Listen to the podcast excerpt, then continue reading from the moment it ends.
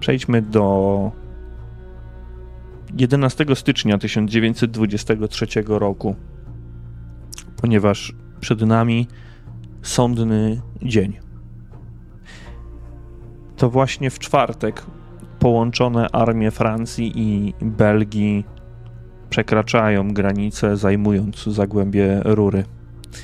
Społeczeństwo francuskie, obawiające się widma wojny, coraz częściej daje wyraz swojemu niezadowoleniu.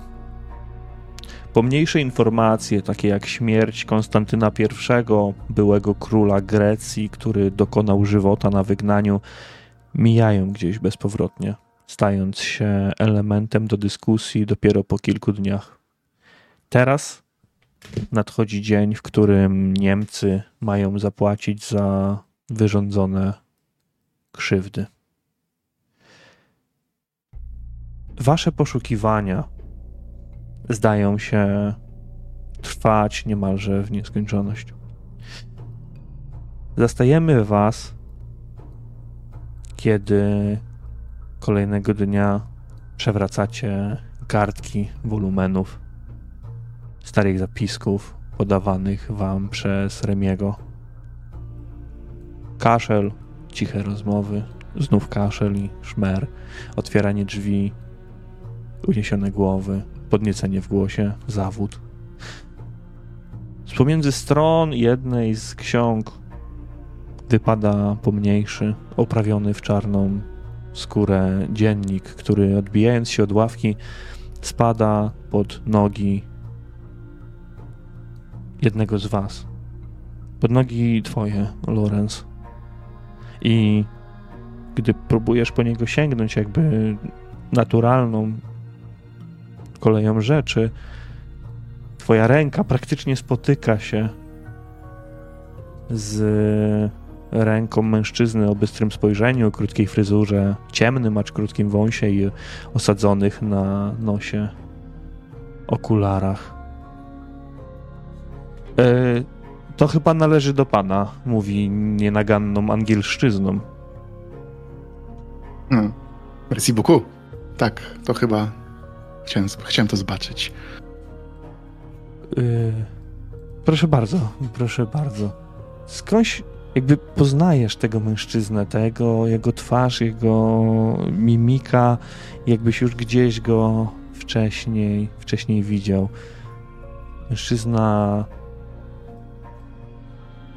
staje nieco zmieszany przy twojej ławie, przy twoim miejscu, w którym zasiadasz i pochylając się nieco, aby nie narobić jakiegoś rabanu. Przepraszam, czy czy widział pan, bo widzę, że jest pan już tutaj chyba od jakiegoś czasu, czy widział pan może y, mężczyznę y, dość wysokiego, ciemnych włosach, taki nawet e, przy kości. Samuel Beckett się nazywa, to mój sekretarz. Powinien pojawić się lada chwila. Przynajmniej tak mi się wydawało. Myślałem, że już jest. Um, nie, nie wydaje mi się, żebym widział. Przepraszam. Czy ja jestem w stanie poznać, że to jest Francuz czy Anglik? Anglik zdecydowanie. Mhm. Dla nas skądś, tak jakbym kojarzył nie znamy się, aby? Z Londynu? Być może. Niektórzy mnie już nawet rozpoznają.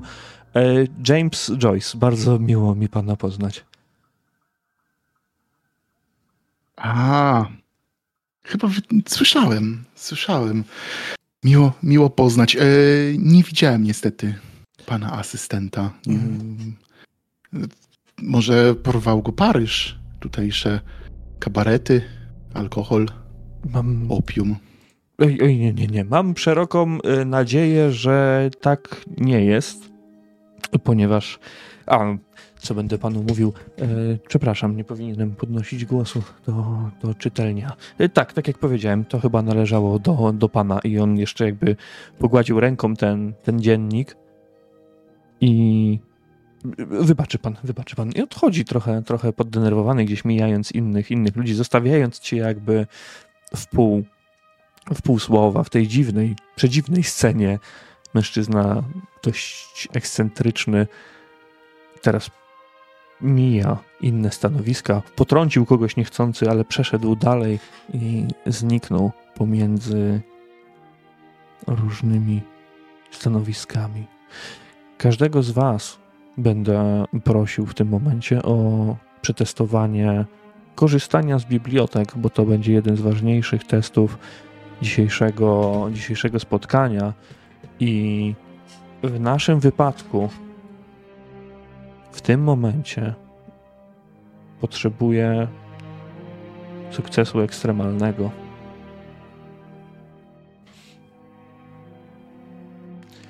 I co my tutaj mamy? U mnie jest coś nie tak, bo nie pojawia się to drugie okienko z modyfikatorem.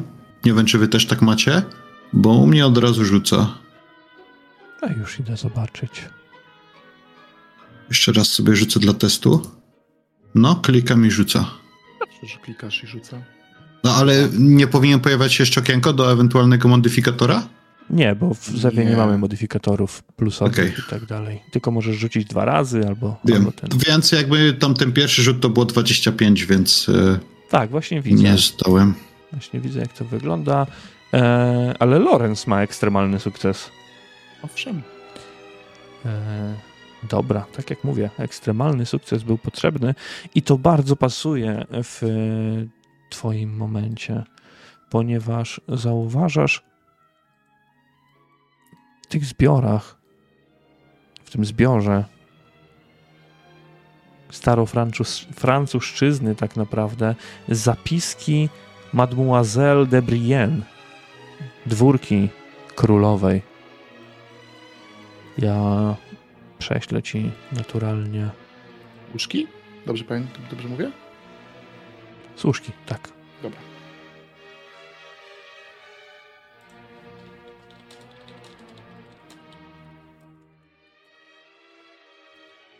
Wysyłam e, wam. Przeczytać, czy... Jeśli chcesz, jeśli byłbyś tak miły. Czerwiec 1789. Hrabia był niczym słońce pośród nas. Opromieniał nas swoim blaskiem i sprawiał, że wszyscy radowali się jego uśmiechami. Mówi się, że wydawane przez niego uczty były najbardziej wystawnymi i zmysłowymi, jakie widziało nasze miasto. To wtedy stało się jasne, że szykuje się wiele zła, a królowa wpadła w gniew. Ludzie króla zaatakowali domostwo i wiele rzeczy zostało zniszczonych, a hrabia został aresztowany. Informacja, którą poznajesz w tym momencie, którą dzielisz się ze swoimi współtowarzyszami, to momentalnie jesteś w stanie połączyć fakty, że jest to coś, jest to element układanki dziejący się przed wydarzeniami, które poznaliście e, wcześniej. Większość e, treści tego dziennika stanowią intrygi i romanse dość, dość małostkowe. Od taka normalna, standardowa część życia dworu. Mm, pojawia się tam jednak właśnie ten fragment, o którym przeczytałeś. To jest fragment zajścia z czerwca 1789 roku, w którym brał udział Comte Fenalik. Rękopis, który opisuje dalszą część tego fragmentu, został jednak zalany i bardzo ciężko jest odczytać jego treść.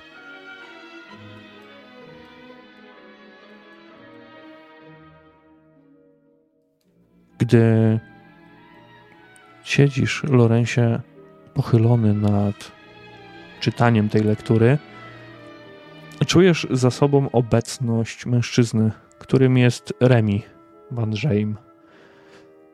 I jak szepcze ci nad, nad barkiem? Udało się coś znaleźć? Monsieur, tak, proszę na to spojrzeć. Niestety jest lekko nieczytelne, ale z tego, co czytam, dotyczy hrabiego, hrabiego Fennalika oraz jego oraz jego zatargów z królem oraz z królową. Zaraz przed rewolucją, jeżeli się nie mylę. Nie pamiętam dokładnie, kiedy wy tam obaliliście królow, królową i króla. O, zaiste, jak najbardziej. Widzę, że tutaj on pokazuje jakby palcem na ten fragment, który ty przeczytałeś. Widzę, że zaangażowano ludzi króla do sprawy. Zdaje mi się, że jeżeli chcielibyśmy pociągnąć ten wątek dalej, moglibyśmy zmienić bibliotekę. Prawdy. Poszukiwania w tej tematyce mogą być łatwiejsze w bibliotek de Arsenal, niedaleko placu Bastylii. Hmm. Cóż za ironia losu. Doprawdy, pośród jej zbiorów znajdują się archiwalne dokumenty właśnie z Bastylii oraz wiele innych XVIII-wiecznych kronik opisujących działania e, sił zbrojnych armii. Może tam dałoby się znaleźć nieco więcej informacji, ale to i tak naprawdę rzadki, rzadki przypadek, aby znaleźć coś tak szybko. Angielska skrupulatność. E, dobrze, porozmawiajmy z moimi towarzyszami i zapewne zmienimy bibliotekę na bibliotekę Arsenal. E, jak najbardziej. Sugerowałbym też posilenie się, zjedzenie obiadu. Czas leci nieubłaganie. A bibliotek National, no cóż, niedługo przestanie przyjmować kolejnych petentów. Sugerowałbym na jutro przeniesienie dalszej części poszukiwań E, do bibliotek de Arsenal. Ja mogę Państwa oczywiście zaprowadzić, jeśli Państwo nadal są zainteresowani moją pomocą. Mam tam drobne kontakty.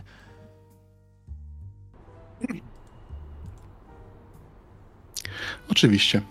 Myślę, że jak najbardziej będziemy zainteresowani, ale tak jak już powiedziałem, porozmawiajmy z e, towarzyszami. Dobrze, dobrze, naturalnie. E, postaram się, postaram się wszystkich Państwa poinformować o tym, że znalazł Pan coś. I rzeczywiście Remi zbliża się do każdego waszego stanowiska. Wraca się jakby od y, ciebie, Lorenz. Idzie w drugą stronę, aby przy stanowisku 319 poinformować Hiroto o tym, że zostały znalezione pewne informacje i potrzebujecie się naradzić. I następnie stanowisko 70, które zajmuje Randall, 45 z Miltonem, 17 z Irene Wy, zostawiam wam już to, jak wasze postaci do tego podchodzą, ale w przeciągu tego dnia wasza czwórka nie znalazła kompletnie nic. Przewracanie dokumentów, przerzucanie wręcz książki z jednej strony na drugą nie przyniosło nawet fragmentu, nie przyniosło choćby źdźbła informacji o hrabim Fenaliku, o czymś więcej na temat symulakrum i tego typu informacji. Dopiero tutaj, tego 11 stycznia, poznaliście prawdziwą pracę naukową. A to, że Lorenz zdołał dokopać się do jakiegoś fragmentu, może być poczytane za ogromny, ogromny sukces. Wyjdziecie z sali czytelni i Remi razem z Lorenzem zbiorą was w głównym holu. W tym holu, w którym zasiadają sekretarze, tam gdzie przyjmuje się petentów. Tak, drodzy Państwo, tak jak już zasugerowałem panu, panu Lorenzowi, Wydaje mi się, że jutro powinniśmy zmienić tor naszych poszukiwań i przejść do biblioteki Arsenal niedaleko placu Bastylii. E, tam możemy poszukać nieco, nieco bardziej, nieco głębiej. E, czy mi się wydaje, czy. Czy Państwo jesteście jacyś bardzo senni? Halo? Odrobinę. Cała ta, całe te poszukiwania, te księgi, jest to, proszę wybaczyć, ale nieco nużące. Hiroto gdzieś tam przeciera może oczy właśnie w takim sennym wyrazie. E, poirytowany to lekko powiedziane. Raz, że niewiele ksiąg e, w tej bibliotece było w języku angielskim. E, dwa, że te, które przeglądał, tak naprawdę nic do sprawy nie wniosły, więc kiwa tylko głową e, na słowa Remiego i, i, i pod nosem e, gdzieś tam sam do siebie, a ledwie słyszalnie. Ach, gdybym był gorzej wychowany, to użyłbym tu e, pewnego słowa, którego Polacy lubią używać w wielu sytuacjach. Ach, ale a głośno już mówi: hmm, Tak, oczywiście. Jeśli Remi uważasz, że gdzieś bardziej nam się powiedzie, chodźmy tam. Oby tylko było coś po angielsku. I to znowu gdzieś tam ciszej, ale raczej sam do siebie. Oj, oj nie, to, to może, może zostałem źle zrozumiany, bo e, dzisiaj już jest taka pora, że nie bardzo wypada zmieniać bibliotekę. Wydaje mi się, że Państwo powinniście odpocząć, a jutro powinniśmy spotkać się na placu Bastylii tam państwa poprowadzę y, dalej. Tak jak pani zauważyła, taka praca może być nużąca dla ludzi, którzy nie są przyzwyczajeni do tego rytmu pracy, e, więc sugerowałbym pozwiedzanie nieco naszego pięknego miasta, odpoczynek, kawę, e, coś dobrego do zjedzenia. Trochę relaksu się państwu również należy. W końcu praca naukowa nie ucieknie. Ja tak spojrzałem na niego trochę z przymrużając oczy, które stały się jeszcze, jeszcze węższe. E, drogi Remi, bardzo dobrze ciebie zrozumiałem. Oczywiście nie miałem na myśli, żeby dzisiaj e, tam iść. Zróbmy to jutro, a dzisiaj może zechcesz nas e, trochę oprowadzić. I tak spoglądając właśnie na pozostałych, bo zakładam, że e, państwo również chętnie skorzystaliby z kogoś, kto zna tutejsze e, tutejsze miejsca. No, chociaż tego, co już słyszałem, pan Lorenz też coś nie nieco wykorzystujmy Messie Van Żejma aż tak. Pan Van Żejm jest tutaj dla nas, żeby, z nami, żeby pomóc nam w bibliotece, a nie oprowadzać nas po Paryżu. Ja znam Paryż całkiem nieźle. Myślę, że możemy zacząć od restauracji na wieży Eiffla, wszakże z tylko z tego miejsca nie widać tego paskudnego żelastwa. Potem możemy pójść wzdłuż Champs-Élysées z łuku triumfalnego aż na Plac Concorde, jak to mawiają Francuzi. Myślę, że to możemy. Świetny pomysł. Od razu mi się podoba. E, dobrze, drodzy Państwo, ja mimo wszystko pozostaję do Państwa dyspozycji, jeśli chodzi o sprawy biblioteczne. E, naturalnie, jeżeli mogę polecić coś z mojej strony, jeśli Państwo nie byliście jeszcze e, w Muzeum de Louvre, e, naturalnie chciałbym e, także, także zachęcić do, do zwiedzenia, do odwiedzenia. Może zainteresują Państwa także katakumby paryskie. To również, również ciekawe miejsce do odwiedzenia. Tymczasem on zakładając kaszkiet na, na głowę, poprawiając się, życzę Państwu miłej reszty dnia. Naturalnie, jeśli chodzi o sprawę mojego uposażenia, yy, ta część dnia, która nie zostaje przepracowana, yy, oczywiście zostaje także odliczona z mojej zapłaty, więc yy, nie trwóżcie się Państwo. Jesteśmy jak najbardziej, jak to mówią, na czysto. Mężczyzna kłania się Wam i odchodzi. Wychodzi na zewnątrz, gdzieś na na ten mroźny. Ja jeszcze, panie Remi, e, panie tak, Remi, tak. Jedna, jedna, rzecz, przepraszam. Słucham, słucham, oczywiście. Zamyśliłem się. E, czy zna pan może jakiegoś tłumacza dobrego języka tureckiego bodajże? I mógłby polecić. Tak się składa, że znam i jutro w muzeum możemy go nawet odwiedzić. O, kapitalnie. Mamy pewien taki mały tekst, który chcielibyśmy mm, przetłumaczyć. W ogóle wypadło mi to z głowy, jednak ten dzisiejszy dzień był dość, dość ciężki. Dobrze, Dobrze jeżeli to jest mały tekst, to wydaje mi się, że nie będzie żadnego, żadnego problemu w uzyskaniu pomocy. Także już nie zabieram czasu. Miłego wieczoru, popołudnia wieczoru, tak jak Miłego dnia, miłego dnia. Miłego dnia. Wow. Mężczyzna wychodzi, pozostawiając was w tym momencie samych.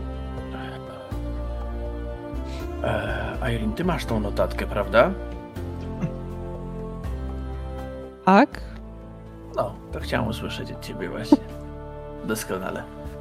Notatkę z biblioteki e, z British Museum, mm. którą znaleźliśmy z Lawrence, tak, no, no, no. To trzeba przetłumaczyć przecież. Tak, tak, że, rzeczywiście, rzeczywiście. E, oczywiście mam, mam tą notatkę za sobą. Co się dzieje? Jakoś miałem taki przez chwilę przebłysk, się zawiesiłem. I... Wybornie, Miltonie, to, to kompletnie zapomniałem o tym, o tej notatce. Może dlatego, że pragnę wyprzeć zdarzenia z British Museum z mojego, z mojej pamięci. No, to prawda. Panie Lorencie, jeśli mogę zapytać, miałem, miałem wrażenie, że Paryż i Francuzi raczej nie do, niekoniecznie przypadli e, panu do gustu. Czy w drodze do restauracji, o której pan wspominał, zechce pan się może z nami podzielić chociaż odrobiną historii, skąd ta antypatia? O. Skąd ta antypatia?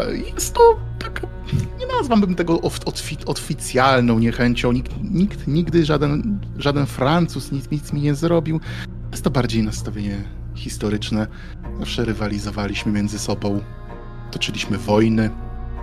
Dopiero od niedawna można powiedzieć, że jesteśmy przyja- przyjacielski, w przyjacielskich stosunkach. Zatem jako Anglik kultywuje tą tradycję takiej lekkiej niechęci do Francji. Francuzi kultywują do Anglii, więc jesteśmy kwita.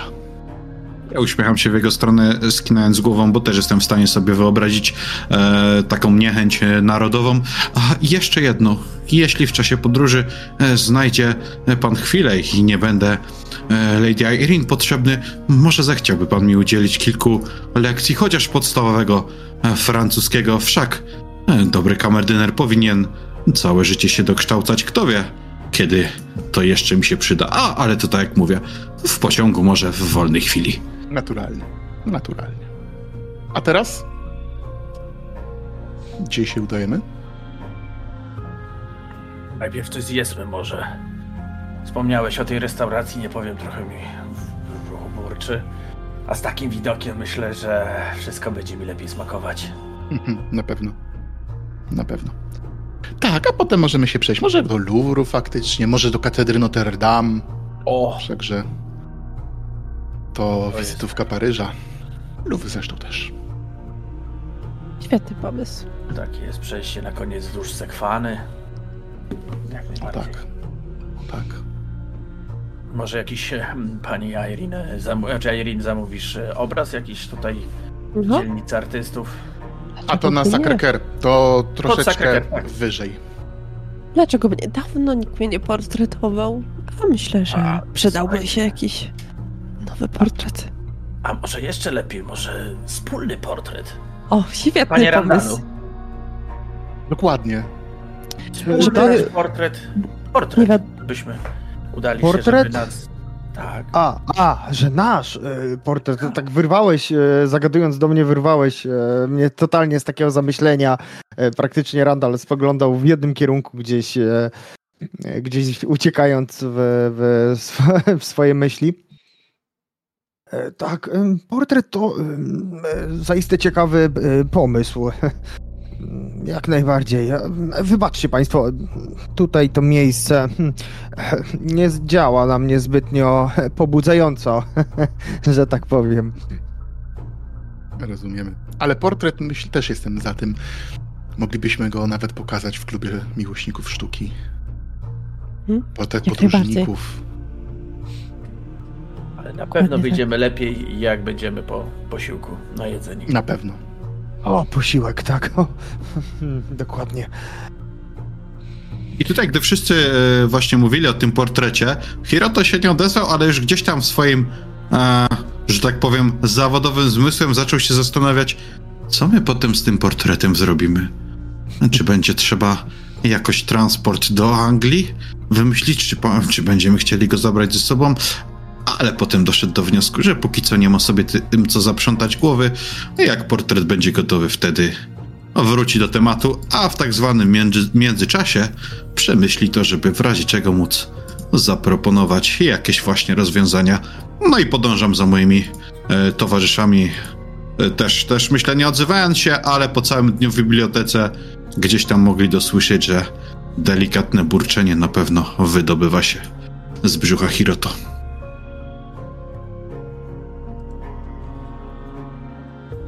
Także taki mamy plan. Dobra. Naturalnie. No to jeszcze jedną rzecz muszę poprawić. Ciężko będzie wam zjeść na szczycie wieży Eiffla w tym momencie. Z jednego ważnego powodu. Ten symbol Francji, położony niedaleko Sekwany, którą będziecie mogli, nad którą będziecie mogli podróżować, spacerować na polach marsowych, Gustav Eiffel postawił w mniej niż dwa lata.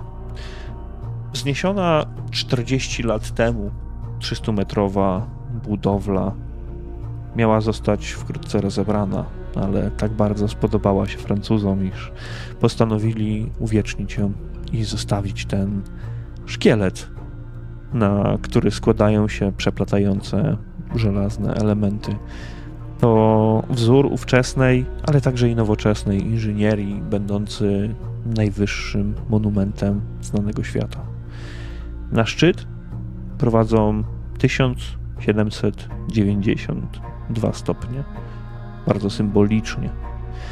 Otwarta codziennie od 10 rano do zmierzchu, od marca do listopada, ale zimą można wejść jedynie na dwie pierwsze w platformy od godziny 12 do zmierzchu. Koszt to ledwo jeden frank za każdą platformę, niezależnie od tego, czy korzystacie z windy, czy wchodzicie schodami. Pierwsza platforma widokowa to raptem 60 metrów nad ziemią. Coś, co nie robi wielkiego wrażenia na, na żadnym z Was. Druga platforma to 115 metrów nad ziemią i podtrzymuje ona okrytą szkłem halę, jakby kopułę. Trzecia platforma znajduje się na wysokości 275 metrów, ale tam w tym momencie nie ma możliwości wejścia. Niemniej jednak widok Paryża, który jest przed wami, niektórym na pewno zapiera dech w piersiach. Inni, którzy za tym miastem nie przepadają, jak na przykład Lorenz, mogą szukać czegokolwiek innego, bardziej ciekawego w tym, e, w tym miejscu, w tym punkcie, niż to, aby rzucać okiem na panoramę stolicy Francji. Wspomnieliście wcześniej także o odwiedzinach niedaleko, nieopodal Notre Dame, ale także i, i Louvru. Kiedy docieracie pod Notre Dame tego dnia, zwiedzanie tej budowli nie jest już jakby dostępne w szeroko pojętym wchodzeniu na, na wieżę. Można raptem zasiąść w jednej z ław, zobaczyć jak to wszystko wygląda. Za czasów monarchów katedra pełniła rolę tej, w której koronowano królów Francji. W ciągu swojej historii wielokrotnie przebudowywana, po, zwłaszcza po rewolucji, kiedy doznała poważnego uszczerbku, została naprawiona, ale brak iglic stanowi cierń dla dumnych mieszkańców Paryża. Zwykle, tak jak powiedziałem, można wejść na wieżę, rozkoszować się widokiem miasta, można zobaczyć stąd łuk triumfalny, można zobaczyć Louvre, place, część ścisłej zabudowy. To jest coś, co z pewnością wydaje mi się, że Lorenz, jako wasz po części oprowadzający, może, może opowiadać. Ale chciałbym, żebyśmy przenieśli się do Muzeum Louvru, żebyśmy skupili się bardziej na nim w tym momencie. Louvre jak mawiają Francuzi, to zdecydowanie najpiękniejszy budynek Paryża. Olbrzymi pałac postawiono między Rue de Rivoli a Sekwaną, łączony ze starym pałacem Tuileries, siedzibą królów. Kompleks zapiera dech w piersiach, a wszyscy zwiedzający zapamiętają na długie lata moment przekroczenia progów obu budynków. Tak Przynajmniej mówią Francuzi. Kolejny raz to podkreślę. Pośród zbiorów Louvru znajdują się rzeźby, ryciny, obrazy, rysunki, mm, antyki, średniowieczne, renesansowe, współczesne dzieła sztuki, a także jakieś wystawy czasowe. A to wszystko można podziwiać bez konieczności uiszczania opłaty w nawet w zimę, z wyjątkiem poniedziałku i niektórych świąt. Wtedy Louvre pozostaje zamknięty na cztery, spust cztery spusty. Sale są przestronne, a jest ich zdecydowanie nazbyt dużo, aby w jednym momencie zwiedzić całą ekspozycję, więc wy przechodzicie tak naprawdę gdzieś pomiędzy innymi turystami, mieszkańcami Paryża, aby chłonąć widok znajdujący się dookoła was. Każdy z was otrzymał krótki przewodnik, a w przestronnym holu można zaplanować zwiedzanie, aby uniknąć jeszcze bardziej nadmiernego zmęczenia. Wszakże nie trzeba oglądać wszystkiego. Cóż tutaj możecie znaleźć, cóż możecie minąć w Louvre? Możecie minąć Stellę z kodeksem Hammurabiego, Wenus z Milo, czy też legendarną Monelizę, a to jedynie wycinek dzieł sztuki. Ich całkowita liczba w Lubrze wynosi ponad 300 tysięcy eksponatów. Przechodzicie jednak przez galerię, w której można obserwować obrazy z dworu Ludwika XVI i w związku z tematem, który badacie, gdzieś ponad rozmowami i szeptami przechodzącego tłumu możecie usłyszeć cichy śmiech od chichot, który zaczyna szumieć w uszach. Wszystkim wam, tak jakby ciśnienie w uszach się wyrównało, a gdzieś głęboko, idący w stronę serca i waszego brzuchu, roznosi się chichot, cichy śmiech. I chciałbym poprosić was o test nasłuchiwania.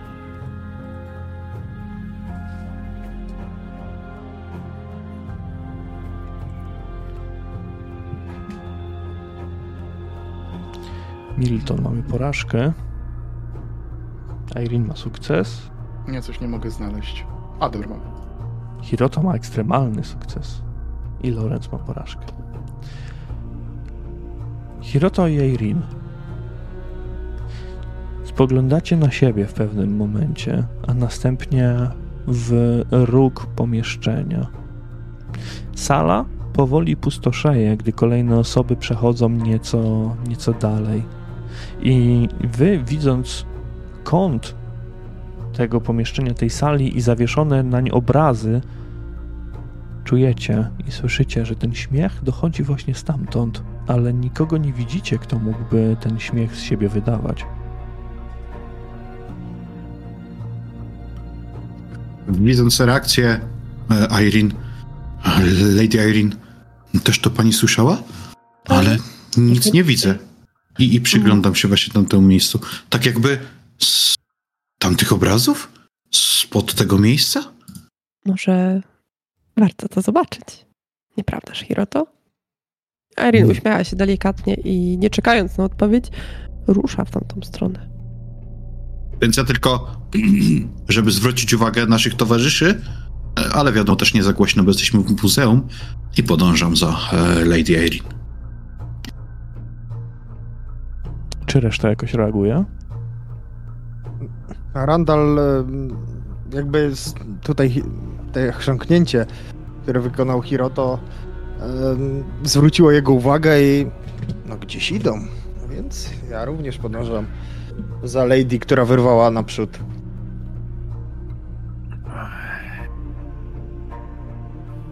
No dobra. Takie piękne obrazy. Zwiedzanie w tamtą stronę, ale skoro tak ruszyli się, jak myślisz, Laurencie? Podążmy, zobaczmy. Obrazy nie uciekną. No tak. Ale to prawda, musimy zobaczyć jeszcze Nikę z Samotraki. Przepiękna O. rzeźba. No tak, czytałem, tylko że tutaj jest, muszę zobaczyć. Tak jest wszyscy. Tej części, do której podążacie niczym prostu wężyk, śmiech zdaje się nieco słabnąć. Prowadzi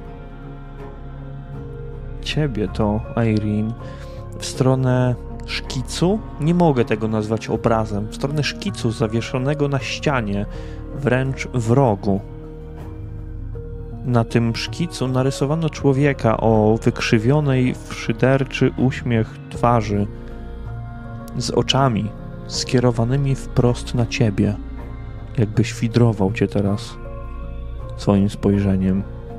To jest takie uczucie, w którym, gdy przechodzisz na bok, wydaje ci się, że postać na obrazie patrzy cały czas w twoją stronę, ale tego śmiechu już nie słyszysz. Pod spodem natomiast, pod tym szkicem biało-czarnym, zapisano coś, ale zapisano w języku francuskim, jakby podpis tego. Mhm. W takim razie y, przyglądam się uważnie Kicowi, e, oczekując, kiedy podejdzie do nas, do nas Lawrence i kiedy, zanim on zdąży cokolwiek powiedzieć, ja już mu wskazuję. Tutaj jest coś zapisane. E, chyba w języku francuskim. Mógłbyś to odczytać, proszę? Tam. Hmm. Przetestujemy sobie u ciebie. U każdego, kto ma język francuski, ten, ten język, możemy sobie dodatkowo dorzucić do tego jeszcze próbę e, starofrancuskiego. Jakby dwa testy. I dwa rzuty? potrzebne. Tak, Mhm. Dwa rzuty. dokładnie. Stamfi, a jak my zwróciliśmy już uwagę reszty towarzyszy, to oni potem, no bo powiedziałeś, że ten śmiech gdzieś tam cały czas był słyszalny. Oni potem też go usłyszeli, czy raczej nie i my będziemy musieli po prostu Nie, nie, nie. powiedzieć, W że... pewnym momencie wysłyszeliście wszyscy, ale Mhm. potem jak wy, wam się udał test, jakby na nasłuchiwanie, to wy namierzyliście źródło tego, tego śmiechu. Okej. Ale nie oni też wiedzą, że tłumaczyć. coś się śmiało. Tak, dobra, dobra. Że tak. Dobra. E, francuski. Lorenz ma ekstremalny sukces, starofrancuski się nie powiódł i tutaj jeszcze Randall też ma, też ma sukces francuskiego. Czy ktoś jeszcze ma język francuski albo starofrancuski? Nie. Dobrze. Bo ja starofrancuski też bym rzucił, bo widzę, że Rzucaj, można dwa Tak nawet jak powiedziałem. weszło. Powiedziałem, rzucamy dwa. Okej, dobrze, dobrze. Może nie tyle, że łącząc e, siły, ale po prostu odczytując to, co jest tam napisane symultanicznie, odręcznym jakby pismem to zostało wyryte w blaszce szkic do nieznanego obrazu XVIII wiek. Znaleziono go podczas, po, nie podczas, pośród przedmiotów należących do królowej Marii. Autor nieznany. A wygląd naturalnie wysłałem wam w części handou- handoutowej. Rażający. Tak, ale należał do Marii Antoniny, jak się mm, można domyślić, z XVIII wieku. Nasz hrabia Fenelik również miał na pieńku z królową Marią. Ależ, ależ by był za zbieg okoliczności, gdyby okazało się, że na tym szkicu jest nasz zaginiony hrabia. Też właśnie o tym pomyślałem. I Hiroto rozgląda się jeszcze, czy ktoś oprócz nich usłyszał ten śmiech, czy ktoś oprócz nich podszedł, zwrócił uwagę na to, co tu się działo? Nawet jeśli tak, Hiroto, to nikt nie, nie skierował się w waszą stronę. Ludzie też mogli to poczytać za śmiech kogoś nieokrzesanego, kogoś Kogoś. niegrzecznego tak naprawdę, ale ciebie i Irene tylko skierowało to tutaj, w róg tego pomieszczenia, jakby, jakby ten szkic, jakkolwiek to nie zabrzmi, chciał, żebyście tu podeszli i, i go zobaczyli. Ciekawe, bardzo ciekawe. Mogę mieć pytanie? Możesz. Czy z racji wykonywanego zawodu ja mogę znać kogoś w Luwrze? No to to jest w takim razie test szczęścia, jak nic. Powoli, moi drodzy, ja przestaję wierzyć w przypadki. Odrażający. A Jakby zaglądał w głąb duszy. I ja spoglądam na ten szkic, jakbym chciałbym w te oczy spojrzeć i tak z różnego staję nawet w różnym kącie, tak, że najpierw z lewej strony, prawej, tak naprzeciwko i, i tak jak wspomniałeś, że, że on świdruje tym spojrzeniem z każdego miejsca, mm, nieważne w którym miejscu się właśnie stanie. Właśnie I chciałem to tak samo jakby- powiedzieć. Hiroto, to Hiroto też idzie w ślad, e, w ślad Randala, bo miałem podobny pomysł. Jesteście pewni, panowie, że to, że to nie jest jakaś zaślepka, że to nie jest tak, że tam ktoś na przykład patrzy na was, ale to uczucie bycia obserwowanym nie niknie. To jest taki styl malowania, no nie? Tak, że niezależnie gdzie, tak nazywa. gdzie staniecie, czy Randall stanie po jednej stronie, Hiroto po drugiej, wy czujecie jakby spojrzenie na siebie i ty, Lorensie, w pewnym momencie czujesz delikatnie jakby szturchnięcie w bark. Kogo mhm, widzisz? Kogo znasz w Louvre? Kogo możesz znać? Um, Louvre jest ogromnym muzeum, więc nie powiem, że znam kustosza, bo to na pewno jest niezwykle prestiżowy, e, prestiżowe stanowisko, ale może pomocnika, może kogoś, kto po Akademii Sztuk Pięknych, który po prostu jest tutaj jakimś pomocnikiem kustosza, nieco młodszym zapewne. E, dobrze, czy masz jakieś imię, czy mam wymyślić na szybko? E, Jean-Claude. E, niech mu będzie mm, Jean-Pierre. Blisko, blisko Hiroto, ale jednak nie ten. E, widzisz mężczyznę, właśnie tak jak powiedziałeś, nieco młodszego, który jakby zaczepił cię, będąc pewnym, że cię, że cię rozpoznał, jakby może po manierach, może po słowie. E, czy ja dobrze słyszę tą nienaganną angielszczyznę? Lorenz. Czy ja, słyszę, czy ja słyszę tą angielszczyznę, Jean-Pierre. Tak, staram się. Uczę się angielskiego od naszego ostatniego spotkania i myślę, że wychodzi mi coraz lepiej. Oj, może nie powinienem tak głośno mówić. E, witaj, stary przyjacielu. E, co cię sprowadza do, do Louvru? Przecież znasz to muzeum już jak własną kieszeń. Można powiedzieć, że oprowadzam przyjaciół. E, Pozwól, dzień dobry, że dzień dobry Państwu. Jean-Pierre Lemarque. Tak, to ja. E, pomocnik kustosza e, w, w Louvre. Już za miła, miła okazja się zapoznać. Irene Trevelyan. Bardzo mi miło. Lady Irene Trevelyan, żeby być dokładnym. Pochylił głowę na, na, na, na dłużej, e, spoglądając na, na ciebie, tylko położył e, ręce przy sobie, niczym e, przy staniu na baczność. Pochylił się nieco i patrzy, patrzy na resztę, która z pewnością także mu się, także mu się przedstawi. Drodzy Państwo, e, cóż mogę powiedzieć? No, ja tutaj chyba nic nie mam y, co do dodania. Już macie fantastycznego przewodnika po Louvre. E, Lorenz, ja chciałem się tylko, tylko przywitać, ale jeśli będziesz czegoś potrzebował, to, to, to powiedz. E, Jean-Pierre, jeżeli moglibyśmy e, zapytać, ten obraz, ten szkic właściwie przykuł naszą uwagę z, z dobytku Marii Antoniny, jak mnie mam. Nietypowa rzecz, nieznany autor, nieznany obraz, e, jakieś plotki może, wiesz, może w sensie plotki mam na myśli oczywiście, co mówią kustosze nad, z niepotwierdzonych informacji na temat tego dzieła. No, ciekawe, ciekawe. Bystre, bystre oko. Widzę, że zawsze znajdzie coś e, ciekawego. E, tak, szkic został przyniesiony tutaj do, do kąta od jakiś czas temu. E, znieśliśmy go z piętra, z piętra wyżej. Nie wiedzieliśmy, gdzie go, gdzie go umieścić, więc uznaliśmy, że tutaj będzie dobrze. Moglibyśmy to potraktować trochę jako zakłamanie, no bo E, to tylko nasze przypuszczenia, że, że jest to XVIII y, wiek. E, tak naprawdę informacje, które znaleźliśmy na jego temat, to można by powiedzieć nieco niepotwierdzone, że znaleziono go pośród przedmiotów należących do królowej Marii Antoniny. Jak najbardziej. Dlatego wisi tutaj. E, wcześniej wisiał w innym miejscu, ale zwiedzający się trochę na niego skarżyli. Jakkolwiek by to nie, nie zabrzmiało. E, Skarżyli? Tak. E, kiedy przyjechała tutaj jedna z wycieczek z południa Francji, z Marsylii, e, pewna kobieta mijając szkic zemdlała, a inni zaczęli mówić, że strasznie boli ich głowa, inni mówili, że słyszą jakby śmiechy w swojej głowie.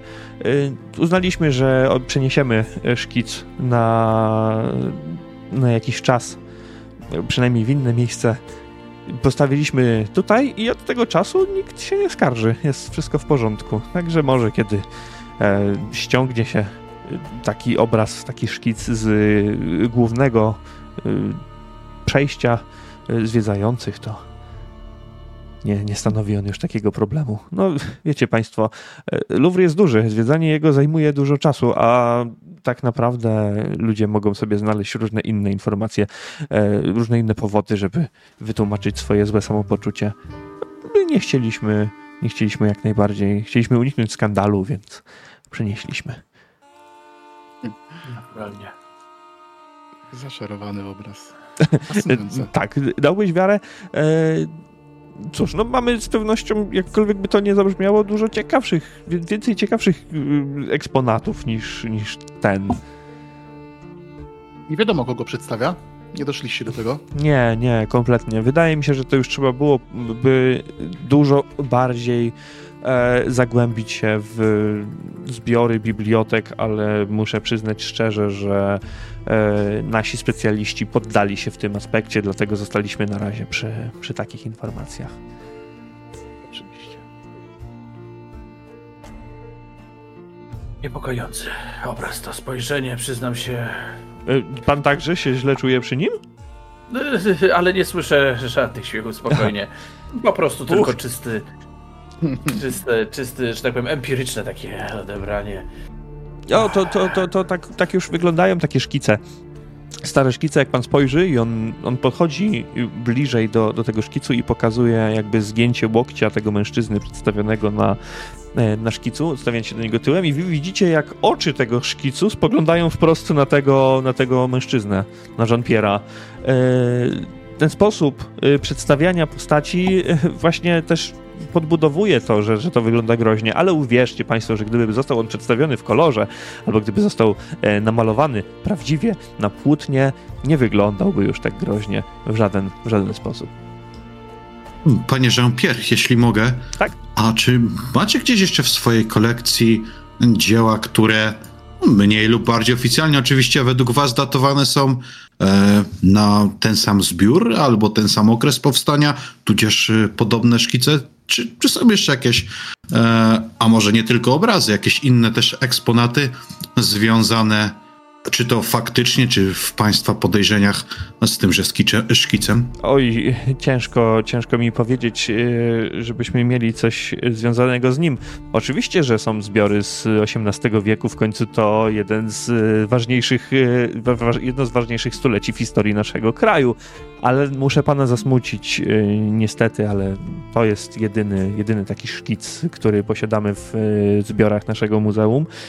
I chyba tylko, tylko dlatego zdecydowano się go tutaj, tutaj powiesić, bez dokładnych informacji i bez zbadania tematyki. Od jako taka, taka ciekawostka historyczna. Także przepraszam, ale niestety nie, nie pomogę w tym aspekcie dalej. Rozumiem, że mm, tylko ten szkic został odnaleziony, żadnych, jakby to powiedzieć, dodatkowych przedmiotów. A razem z nim może. E, to, nie my, to, nie my, to nie my go odnaleźliśmy tak naprawdę. To już po prostu jest część, część starych zbiorów. I z taką, z taką notką e, po prostu zostaliśmy e, poinformowano, że znaleziono go pośród przedmiotów należących do królowej Marii wie pan, e, burzliwy czas rewolucji, tym bardziej to, co działo się pomiędzy dekapitacją e, pary królewskiej, a restauracją Bourbonów, no to wiele rzeczy potrafiło zginąć. To prawda. Naturalnie. Bardzo ciekawe, bardzo to ciekawe, co pan opowiada. Czy są jeszcze jakieś szkice z tego, tego typu albo inne zbiory? Nie, nie.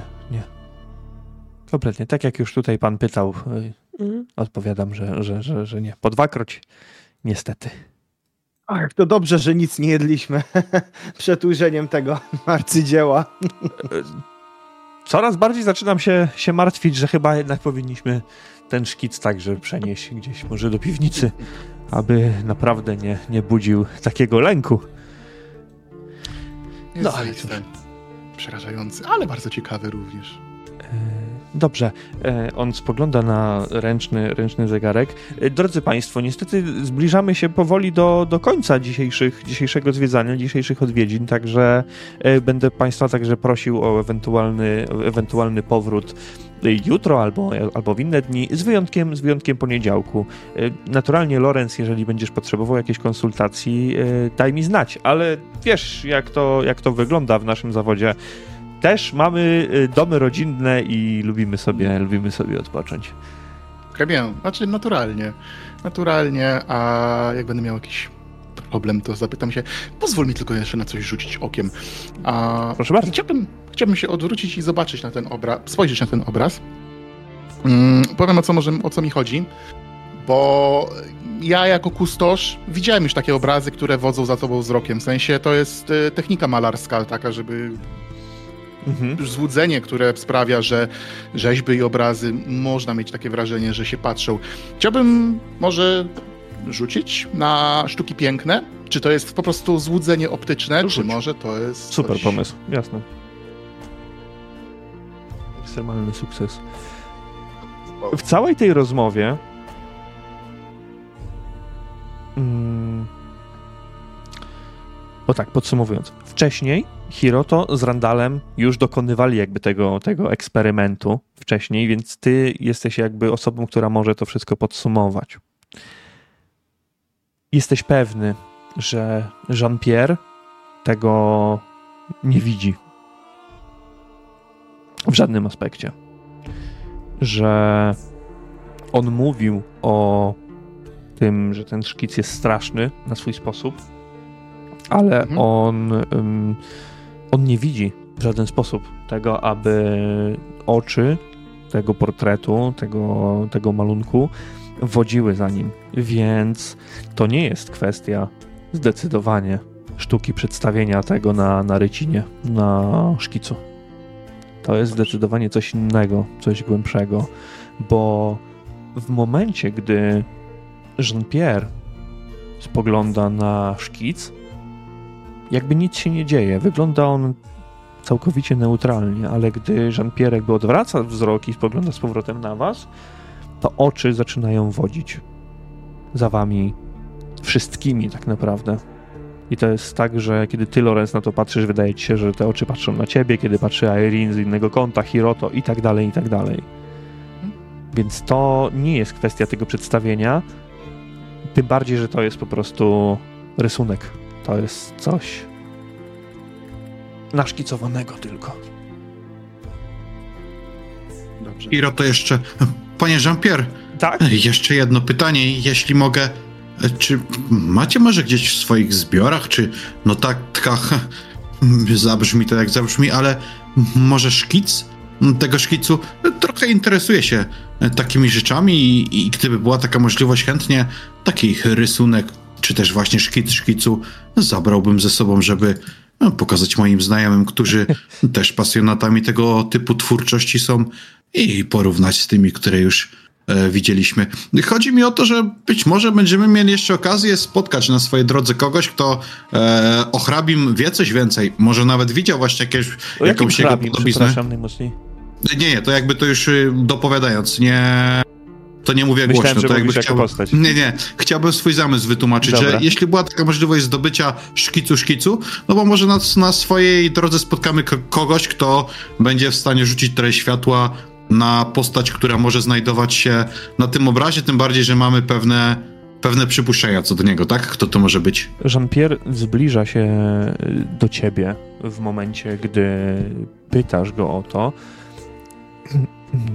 No wie pan, w związku z tym, że jest pan przyjacielem pana, pana Lorenza, e, nie, naturalnie, że nie mamy. E, jeśli parają się Państwo sztuką szeroko rozumianej fotografii, to też nalegałbym na to, aby nie robić zdjęć tutaj eksponatom. Oczywiście, że nie będziemy robić zdjęć. A, ale, się wtrącam nawet. Ale jeśli.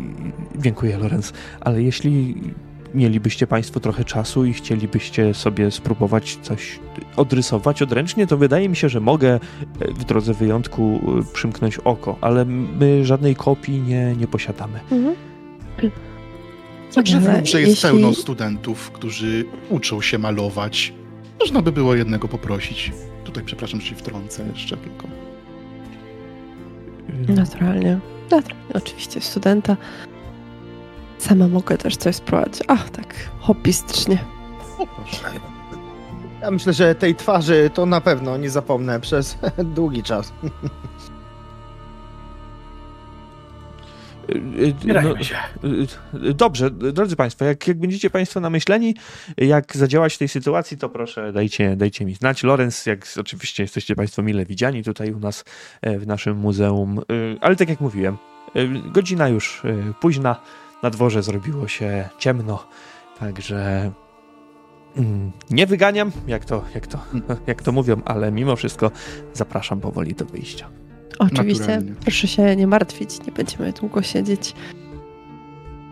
On odchodzi nieco, nieco dalej, jakby jeszcze pośród innych eksponatów, dając wam, wam ten czas na zebranie się i na spokojne e, wyjście przez następne, następne sale, które będziecie już opuszczać na pewno w, e, jako ostatni zwiedzający Louvre tego dnia. Inni opiekunowie wystaw, czy też właśnie Jean-Pierre, będą szli gdzieś tam w bezpiecznym, bezpiecznej odległości za wami, nie narzucając wam się w żaden sposób. Jeżeli chcecie coś jeszcze ze sobą przedyskutować tego dnia, to to jest idealny moment, tak myślę. Mm, Kiedy już opuścimy oczywiście Louvre, e, albo no, będziemy wychodzić, ale tak, że no na pewno nikt nas nie, nie, nie, nie usłyszy. e, Irene skieruje swoje słowa głównie do Lorenza, ale oczywiście tak, żeby reszta też mogła słyszeć. Może wstyd się przyznać, ale interesuje mnie nie, nie sztuka fałszerstwa, tak odkrywania tego, jak takie dzieła, jak można sfałszować pewne dzieła. I tak sobie pomyślałam, że skoro interesuję się tym tematem, to może byłabym w stanie odtworzyć w jakiś sposób ten, ten szkic. Jeżeli miałabym wystarczająco dużo czasu, mogłabym przynajmniej spróbować, a jeśli się nie uda, to z pewnością jest tutaj pełno artystów, któryś z, lepszym, z lepszą wprawą w ręku będzie w stanie to zrobić. Naturalnie. No... Proszę, przepraszam. Nie chcę się nie, nie, nie, chcę się- myślimy tak samo, więc myślę, że e, chcieliśmy to samo zaprosić Erin, że jeżeli chce, to jak najbardziej też, mm, ale myślę, że twój czas, czas jest cenniejszy i równie dobrze mogliśmy wynająć studenta, czy tam studentkę, która by nam zrobiła tą, tą rodzinę, a my tutaj mamy jeszcze tyle rzeczy, myślę, że też ważnych, które by nam, no, twoja osoba też nam tu będzie potrzebna oczywiście. Po Naturalnie. więcej, mam pewne obawy, albowiem przyjrzałem się temu obrazowi ze względu na te oczy, które wodziły za nami. Za Jean-Pierre'em one tego nie robiły. Myślałem na początku, że to jest złudzenie optyczne. Jest taka forma, forma sztuki, która pozwala osiągnąć tego typu efekty, ale nie takie. Mam wrażenie, jakby te oczy wodziły tylko za nami. Możliwe. Chwila, chwila. E, Drodzy Państwo, czy ja dobrze rozumiem, że sugerujecie, że słyszeliście na początku śmiech, tak jak powiedział pan Jean-Pierre, a teraz, że ten obraz, przepraszam, ten szkic wodził tylko i wyłącznie za nami, oczami? Przecież to jest niedorzeczne.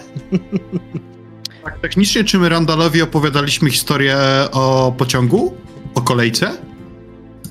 Y, To nie jest Tak, pytanie do ale- mnie, ale Chyba tak. Tak, y, ja mu, ja mu tak. opowiadałam wszystko, wszystko No, jak więc, słyszał. więc jakby słysząc te jego słowa, mm, no, panie Randalu, już trochę pan z nami podróżuje. Słychał te, słyszał też pan przecież e, co nieco o naszych przygodach i różnych dziwnych zdarzeniach, które działy się wokół nas, więc e, mnie osobiście e, te, wcale to nie zdziwiło, ale chyba podobnie jak pan, nie do końca dobrze czułem się w, jego obecności.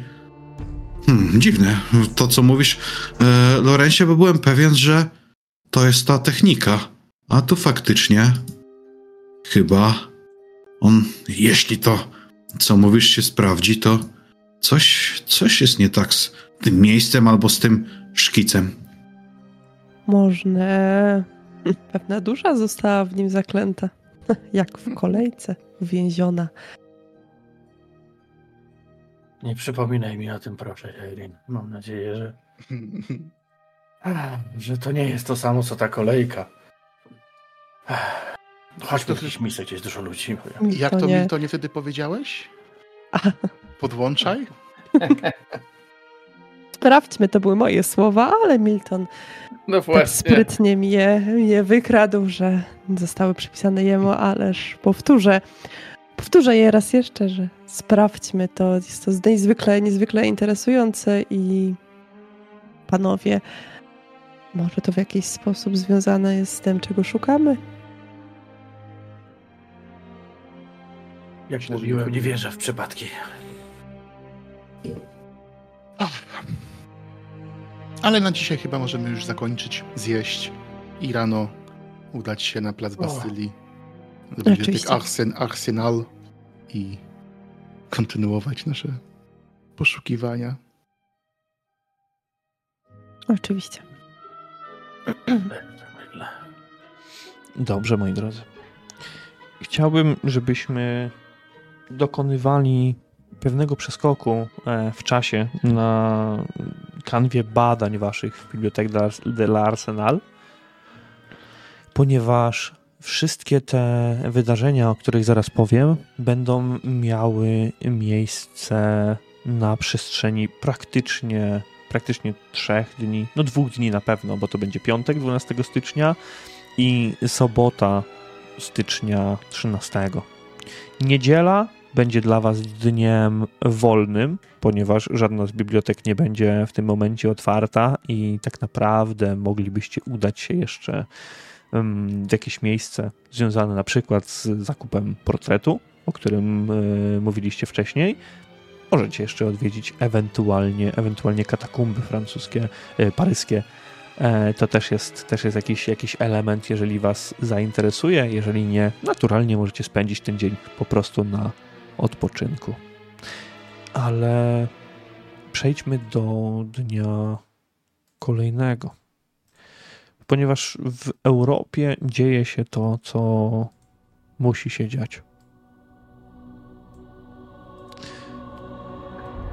zaczynają te wydarzenia skręcać w zdecydowanie złą stronę i wy o tym wiecie, słysząc to albo od krzykaczy, albo chwytając gdzieś gazetę pod ręką.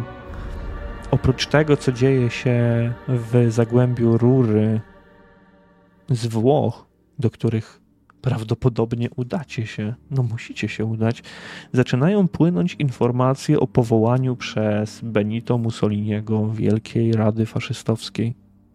Włochy jednoznacznie w tym momencie skręcają z drogi demokracji, a Francja o zgrozo dla tych, którzy nie przepadają za Francją, staje się jedynym gwarantem bezpieczeństwa w regionie. Szargana wewnętrznymi problemami republika musi stać na straży swoich obywateli. Obywateli, którzy coraz częściej mówią o wychodzeniu na ulicę i wspominają o narastających, narastającej chęci protestów. To, co teraz dzieje się w Paryżu i ludzie, którzy już skandują swoje niezadowolenie, ma być dopiero przygrywką do tego, co wydarzy się za jakiś czas.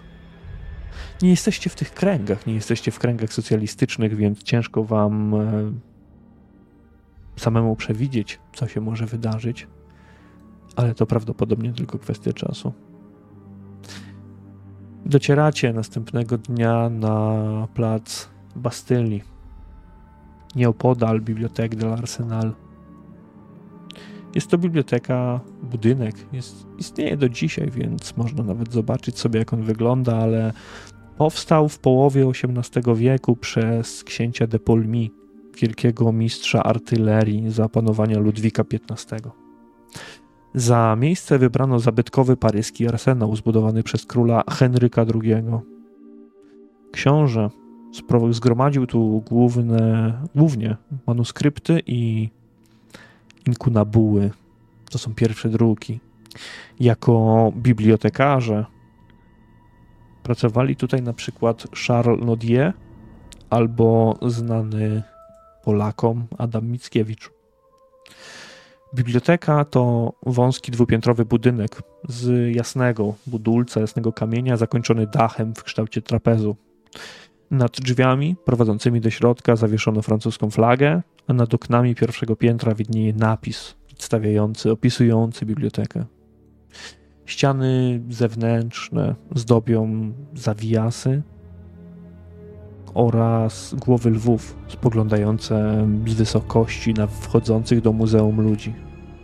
W środku, gdy już przekraczacie próg, unosi się delikatny zapach starości, przechodzący w stęchliznę wręcz. Budynek służył kiedyś za arsenał, a dzisiaj stał się miejscem, które z pewnością zdominowały mole czy inne insekty. Za kontuarem siedzi przygarbiony człowiek, który unosi spojrzenie z nad okularów i drżącą ręką najpierw je ściąga, a następnie sięga do blatu, podnosi się do niego, aby wyjrzeć w jego stronę. Pierwszy do biblioteki wchodzi Remi, więc ten mężczyzna naturalnie widzi jego. Remi, ach, Remi, znowu mnie odwiedzasz. Mości Państwo, e, poznajcie, oto e, człowiek, który wie wszystko o tutejszych zbiorach, e, Raymond Treshy. Bardzo, bardzo mi miło. Bonjour. Bar- bonjour, bonjour. Miło poznać. On y, mówi do was w języku angielskim mimo wszystko. Tą część jakby pomijam, że Remi, Remi go poinstruował na, na, na ten temat, ale mówi tym angielskim dość słabym tak naprawdę. Mimo wszystko da się go, da się go zrozumieć. A w czym ja, w czym ja mogę pomóc y, państwu? E, biblioteki Remi e, wcześniej już wspominał, że Państwo pracujecie nad jakąś rozprawą naukową, ale tutaj w naszych zbiorach e, to tylko sprawy związane z XVIII wiekiem. Tu nikt nie zagląda, proszę Państwa. Nikt tu nie patrzy, tu tylko ja i tacy studenci jak Remi. Ale obcokrajowcy to dopiero, to dopiero gratka dla starego Raymonda. Czy ja, czy ja źle coś powiedziałem? Czy to... Nie, Nie, oczywiście, że nie. oczywiście, że nie. Przepraszam, A jest... mój angielski nie jest zbyt dobry. O, proszę się nie martwić. Jest idealnie taki, żebyśmy mogli porozmawiać. A XVIII wiek, mości panie, jest właśnie tym wiekiem, który nas najbardziej interesuje. Także bardzo Naturalnie. burzliwy był to wiek we Francji. Y, Oj tak, o tym można by rozmawiać godzinami. E, Drodzy Państwo, jeszcze wtrąca się, wtrąca się Remi. E, Raymond jest też e, osobą, która zna nie tylko francuski i angielski, ale tutaj pan e, Milton raczył e, pytać także o języki, języki tureckie. E, Raymondzie, byłbyś tak miły, aby, aby pomóc ewentualnie z językiem, e, z językiem wschodnim? Myślę, że tak, chociaż mój turecki jest tak dobry jak mój angielski, więc nie spodziewajcie się Państwo wielkich sukcesów. Niemniej jednak mogę, mogę z czymś spróbować. Macie Państwo jakiś tekst do przetłumaczenia? To Księgę? jest drobna, drobna notatka, drogi panie Rajmondzie.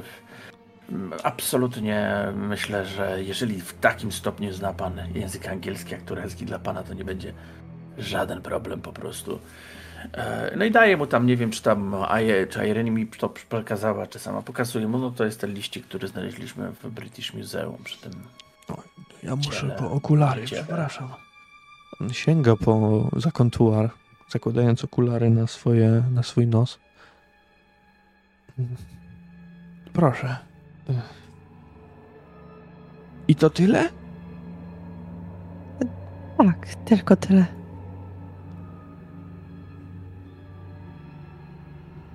Nie.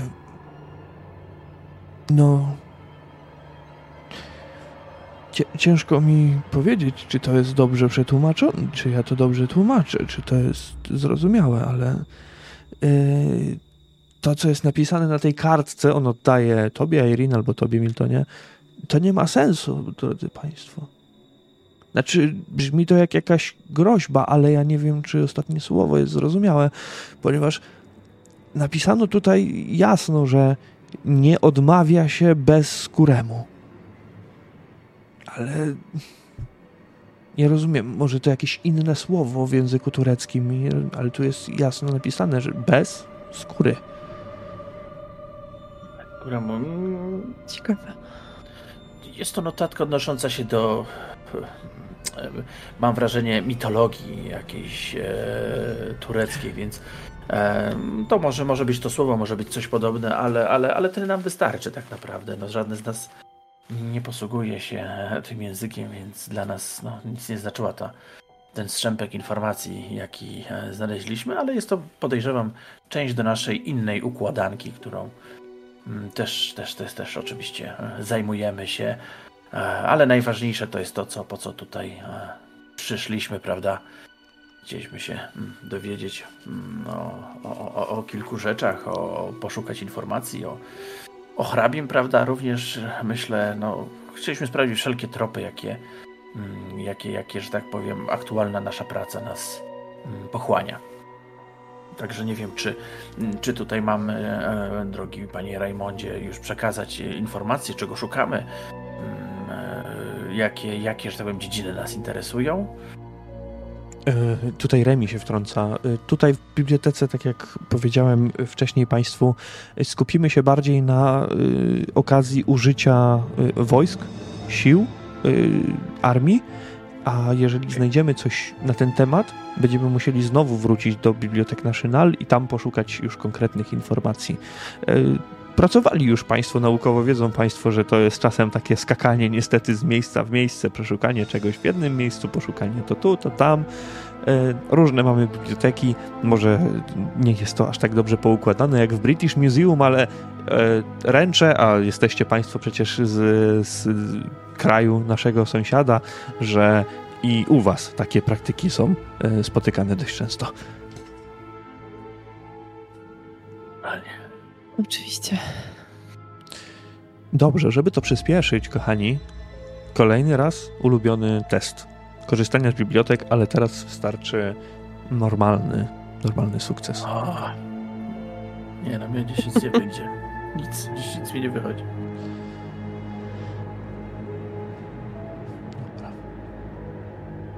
Jeszcze tak tylko półgłosem do moich towarzyszy wtrącam. Hmm.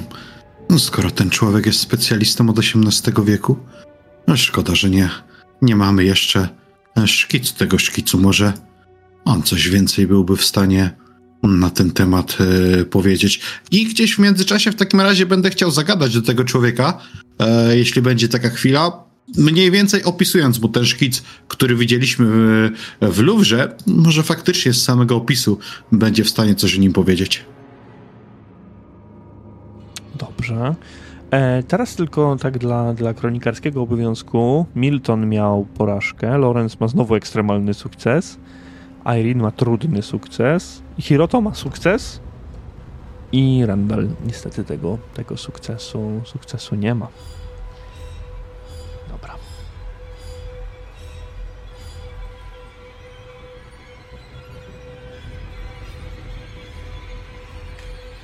Dobra, w porządku. Hiroto, pytasz tego mężczyznę, który zdecydowanie wie więcej na temat XVIII wieku, o ten szkic. Próbując go opisać, można nawet powiedzieć, że został on znaleziony w zbiorach królowej Marii, ale stary Raymond, myśląc tylko, szukając w odmętach swojej pamięci, nie jest w stanie w ogóle nakierować w żaden sposób mógł zapytać nawet, czy, czy próbowaliście Państwo szukać w Bibliotek National, bo kompletnie nie jest zaznajomiony z etapem waszej, waszej pracy. Widzisz po, po tym mężczyźnie, bez, bez rzucania na, na, na psychologię, że jak najbardziej jest to osoba szczera. Tutaj nie było nawet zwątpienia w, w jego mimice twarzy, w tonie jego głosu. Niestety, to, co, to o czym mówisz, zdaje, by się, zdaje się być dla niego równie podobnym ewenementem jak, jak dla was. Więc ciężko jest mu cokolwiek powiedzieć, niestety. To jest ten problem. Ale spróbować warto było. Oczywiście, tutaj masz teraz pewność, że, że jest to coś, coś dziwnego. Wasze poszukiwania w bibliotece Arsenału, jeżeli możemy to tak spolszczyć, trwają bardzo długo. Pośród zatęchłych stronic siedzicie razem przy biurku jednym. W pomieszczeniu nie ma zbyt dobrego źródła światła i możecie poczuć się jak przeniesieni w czasie, kiedy Raymond razem z Remim przynoszą albo świece, jakieś kaganki, może lampy, gdy przeglądacie to w starym stylu. Jakby stary Raymond kompletnie nie dbał o to, że to wszystko może zająć się ogniem w danym momencie. Jakby jego zbiór był dla niego mało ważny, ale przecież nie jest. On roztacza nad nim aurę spokoju, opiekuńczości. Gdy chodzi dookoła ksiąg, głaszcze je. Jest to całkowicie inna, inny obraz, inna materia niż tą, którą poznaliście w Bibliothèque National. Bez tej pruderyjności, bez napinania się całkowicie. Mężczyzna oddany sprawie i chęci pomocy wam, dogląda was jak tylko, jak tylko może. Tak mija jeden dzień i drugi. W sobotę 13 stycznia wraz z rozpoczęciem weekendu do Paryża dociera cieplejsza temperatura. Śnieg topnieje praktycznie całkowicie, a w parkach widać coraz mniej ludzi jeżdżących na łyżwach. Kawiarnie zapraszają swoje progi, a wy odwiedzacie je, zanim ruszacie na kolejny tour po Bibliotek de Arsenal. A pośród ulic miasta roznosi się zapach świeżo wypiekanego pieczywa i parzonej kawy. Francuzi uspokajają się. Mniejsza ilość wychodzi na ulicę, aby dać upust swoim emocjom. Niemcy nie odpowiedziały w żaden sposób na zajęcie Zagłębia Rury. Są zbyt, zbyt osłabione.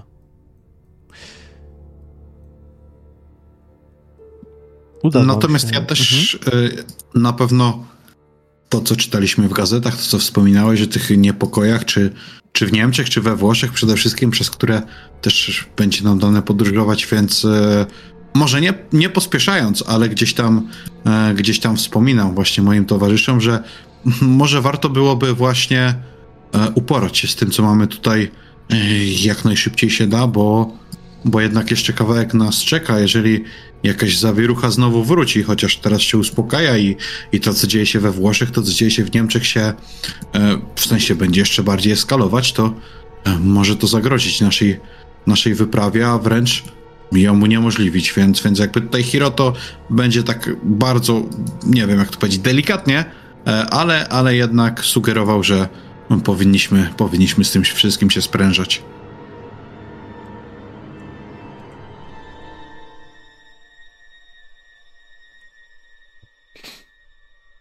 Pośpiech w takiej sytuacji tak. może być niewskazany. No ale różnie, różnie to już e, bywa.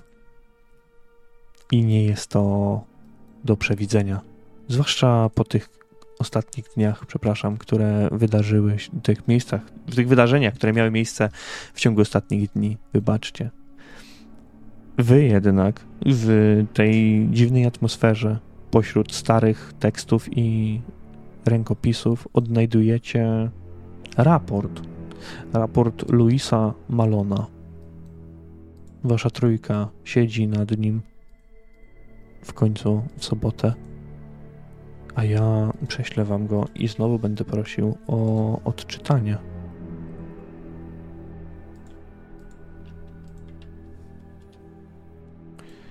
O ile będę mógł go wam przesłać normalnie.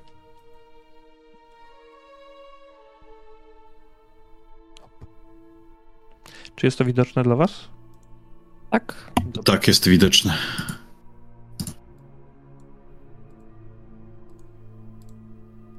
E, Filip, czy ciebie mogę prosić o przeczytanie? Dobrze. Czerwiec 1789 roku. Gdy przyjechaliśmy, uczta nadal trwała, a mężczyźni i kobiety parzyli się niczym wściekłe psy. Wypędziliśmy ich na zewnątrz i aresztowaliśmy tych, którzy nie byli w stanie wykazać się żadnym poręczeniem. Wysłałem sześciu ludzi, żeby schwytali hrabiego, a sam udałem się do komnat położonych niżej. Nie jestem w stanie zmusić się do opisania tego, co tam zobaczyłem. Powiem tylko, że weszliśmy do istnego szamba i, była tam i było tam niczym w piekle. Boże, miej nas w swej opiece. W wielu pomieszczeniach znajdowały się narzędzia tortur. Jeden z moich ludzi znalazł wyko- przedziwnie wykonaną dziewicę norymberską, która była zamknięta. Obawiając się znaleźć w niej dopiero co zamkniętego nieszczęśnika, otworzyliśmy ją siłą, ale okazało się, żeby okazało się pusta. Mroczny był to dzień, gdy szlachetnie urodzona hołota, taka jak Fenalik, niespodzianie zjawiła się w Płasi. pasji, płasi, tak. A jeśli Bóg nie ukaże go za popełnione grzechy, król z pewnością to zrobi. Moje serce przepełniało poczucie sprawiedliwości, gdy wydałem rozkaz spalenia domostwa i tych, którzy pozostali w podziemiach. Choć hrabia zawodził i krzyczał tak, jakby to jego dusza płynęła żywym ogniem. Następnie zabraliśmy go do miejsca, które stanie się jego nowym domem. Niech tam zgnije. Wiesz to okropne. Jestem ciekawa, jakie okropieństwo musiało się tam dziać i czy w jakiś sposób było to związane z jakimiś kultami, może bogów? Albo Może. bóstwa jednego. Może. Jednakowoż należy również pamiętać, że francuska szlachta, na przykład można wspomnieć Markiza de Sade, lubowała się w swego rodzaju tego typu ucztach. E, niemniej palenie i tego typu akty nie są, nie są, nie są aż tak powszechne, wydaje mi się. Jeżeli tutaj jest e, któryś z Francuzów, to patrzę tak na niego, szukając potwierdzenia moich słów. E, Jest tutaj Raymond, który kiwa tylko głową, potwierdzając słowa Lorenza, a widzicie, że w drżącej dłoni trzyma kartkę kolejną. Tutaj, tutaj znalazłem jeszcze spis inwentarza dołączony do tej notatki. Aż boję się spojrzeć, co tam może być. do, do skarbca przekazano obrazy, tabakiery, wino, jedwabne ubrania oraz jakiś niekompletny posąg. A czy, hmm, a czy jest tam kic w tym spisie inwentarza? Nie, to tylko zwykły spis. Niekompletny posąg? Tak, też mnie to zdziwiło. Że wyliczono wszystko i jakiś niekompletny posąg, ale spojrzy pan, tutaj tylko to jest napisane. On pokazuje tobie, widzisz, że to jest zapisane w języku francuskim. Niekompletny posąg. Pierwsze moje pytanie, Messie też jest takie, że zapewne domyślam się, że został odprowadzony do Bastylii, jeżeli dobrze myślę. Mówię tutaj o tym ostatnim e, fragmencie. Mm. Ale drugie pytanie, co się stało ze skarbcem w momencie rewolucji? Mężczyzna spogląda na ciebie znowu tym smutnym spojrzeniem. Niektóre rzeczy zostały skonfiskowane w imieniu tejże właśnie rewolucji. Niektórzy mówili, że zostały rozkradzione, wywiezione. Posągi? Posągi mogły zostać zdewastowane, zniszczone, albo mogą stanowić teraz prywatne, prywatne zbiory. Ciężko ocenić. Czy jest jakakolwiek, czy jest jakikolwiek spis muzealny, wie pan, e, taki, który ukazuje prywatne zbiory?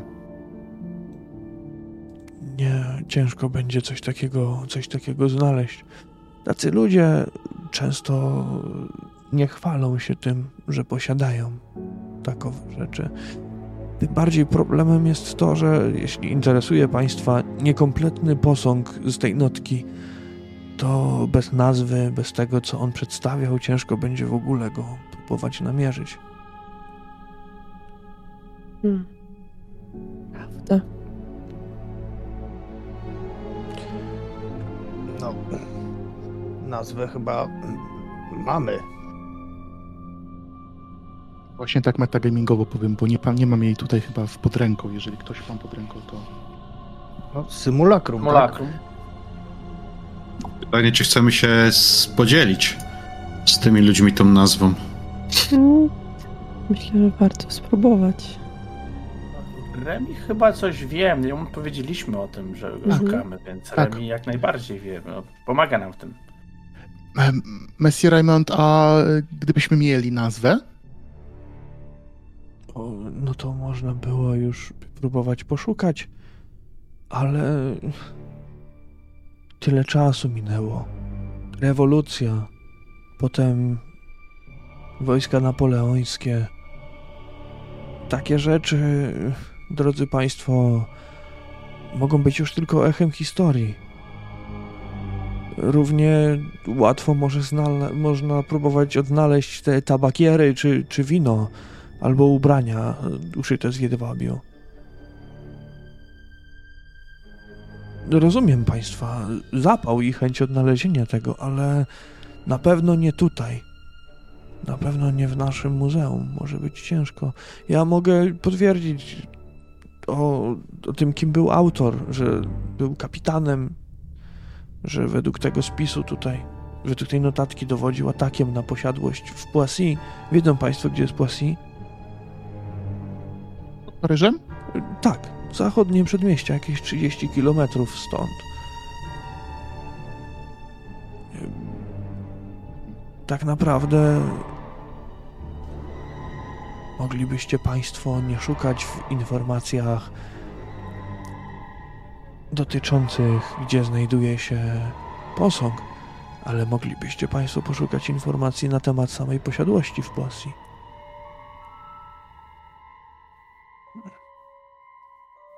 To jest ciekawy pomysł. A gdzie mogliśmy rozpocząć takie poszukiwania? wchodzi w tym momencie do tego pomieszczenia Remi. Drodzy Państwo, y, jak już zdążyłem wspomnieć, tam gdzie nasze poszukiwania się zaczęły. Aha. Po Naturalnie. nicce do O. kłębka. O, Y, Tak, wiem, że nie każdemu może pasować ta praca. No cóż, y, nie zapewnię innych wygód, ale mogę na przykład zasugerować, abyście Państwo podzielili nieco swoją część. I jedni mogą udać się na kolejny rzeźki spacer po Paryżu, a inni mogą pracować dalej ze mną w Bibliothèque Nationale. O, wszyscy To będziemy prawda. pracować. Tak, tak. Tym bardziej, że no, właśnie zdobyliśmy nowe elementy. Naszej układanki. Czyli jeszcze raz, żeby, żeby się upewnić, e, drogi panie, nazwa symulakrum nic, nic panu nie mówi. No wszak e, u, ubrania czy wina nazwy nie mają. Aha, jednak ta rzeźba jakoś została ochrzczona. Yy, Remi. Przepraszam, nie Remi. Raymond. Ciężko. Jeśli. Ciężko mi w ogóle stwierdzić, co to za. co to za. za nazwa. Co ona może opisywać. Jeśli mówicie Państwo, że to rodzaj posągu. Nie jestem chyba kompetentną osobą, aby szukać takiej informacji. Może warto by poszukać także w informacjach y, na temat już późniejszych czasów, czasów napoleońskich. Tam takie informacje też mogłyby zostać e, zapisane. Tutaj pan pytał o to, co się mogło stać z takim posągiem. Wydaje mi się, że jeżeli takie rejestry były prowadzone, to można by przeskoczyć o parę lat do przodu i próbować tam szukać informacji.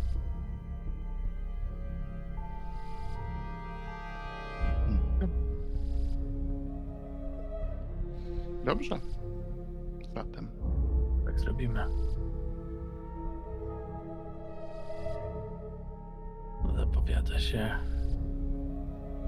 owocny czas szukań kolejnych, kolejnych, jakby to powiedzieć, ścieżek powiązań. Prawda. Czy coś jeszcze tutaj? Chcemy coś? Ej, Hiroto? Chyba, chyba nie. Cóż, skoro sam pan Raymond sugeruje, że no, powinniśmy zmienić miejsce poszukiwań, wydaje mi się, że no, warto no, pójść za jego słowami i, i znowu wrócić tam, skąd tak naprawdę zaczęliśmy. Dobrze, moi drodzy. Możemy zamknąć sobie tę część poświęconą bibliotece Arsenału, ponieważ tutaj znaleźliście to, co, co mieliście znaleźć, co mogliście znaleźć. Tego jesteście jak najbardziej pewni. Poświęciliście na to dwa dni. W połączeniu z udanymi testami, no nie, nie, nie będziemy tego przeciągać dalej, ale przed wami 14 stycznia, czyli niedziela. Niedziela to czas, jak wspominałem, w którym francuskie muzea są zamknięte. Paryżanie spędzają swój czas wolny w inny sposób. Wychodzą na przestronne place, raczą się specjałami tutejszej kuchni i zażywają świętego spokoju. Nawet w tak napiętych czasach jak te, chwila wytchnienia jest czymś, co warto celebrować i pozwalać temu trwać w jakiś sposób. Ja Was zapytam jeszcze, czy w tę niedzielę, w ten wolny dzień, jakby poza biblioteką, która jest zamknięta, czy chcecie zrobić coś jeszcze, czy przeskoczymy do poniedziałku 15 stycznia? A Louvre jest też zamknięty, czy nie? Louvre jest zamknięty w poniedziałek. Y, W takim razie Irene na pewno będzie chciała udać się w tą niedzielę do Louvru i spróbować odtworzyć, odtworzyć ten szkic, Dobrze. y, wykorzystując swoje umiejętności fałszerstwa, Mhm. mniejsze lub większe. A ja jeśli, hm, Mhm. Taki e, jeśli trochę... się nie uda, to tylko y, od razu skieruje, skorzysta z usług jakiegoś artysty y, paryskiego. Jasne. Randall? Ja chciałbym rzucić taki pomysł tą, em, z tą posiadłością, że skoro mamy wolny dzień, może spróbować wynająć jakiś samochód i po prostu się tam udać. Oczywiście nie ma tu żadnego punktu zaczepienia, ja zdaję sobie z tego sprawę, ale i tak mamy wolną niedzielę. Wydaje mi się, że to jest taki moment też, Randalu, w którym wy w bibliotece będziecie szukać informacji na temat tej posiadłości, e, gdzie ona się w ogóle znajdowała w tym Poissy. Bo wy, tak jak powiedziałeś, nie macie żadnego punktu, Tak, punktu zaczepienia. Bardziej miałem na myśli, że po prostu jakimś em, jakimś szczęśliwym trafem e, Mhm. na miejscu uda nam się coś ustalić od lokalnych mieszkańców, może jakieś e, legendy, podania, które były przekazywane z ust do ust. W tym kierunku Jasne. myślałem. Ja myślę, że Lawrence mógł się, mógł się też udać, no bo mówi po francusku. Na taki, ale taki właśnie łowienie plotek, może takie właśnie pop- popytanie w, w, w tamtejszej kawiarni przy kawie w starszych Francuzów. Raczej nie będę chciał tam iść, jeżeli już się dowiem, gdzie to jest. Mhm. I ja natomiast w niedzielę to chciałbym taką, w cudzysłów powiedziałbym, bardziej e, gospodarczą. Chciałbym, e, no bo chyba na tyle gdzieś tam już będę w stanie nawet po angielsku się dogadać, udać się na dworzec, upewnić się, bo nie, nie zapisałem sobie tego, nie jestem pewien, czy nam po, podawałeś, jak tam odchodzi ten Orient Express, żeby w razie czego, gdybyśmy zdecydowali się ruszać, e, mieć rozeznanie.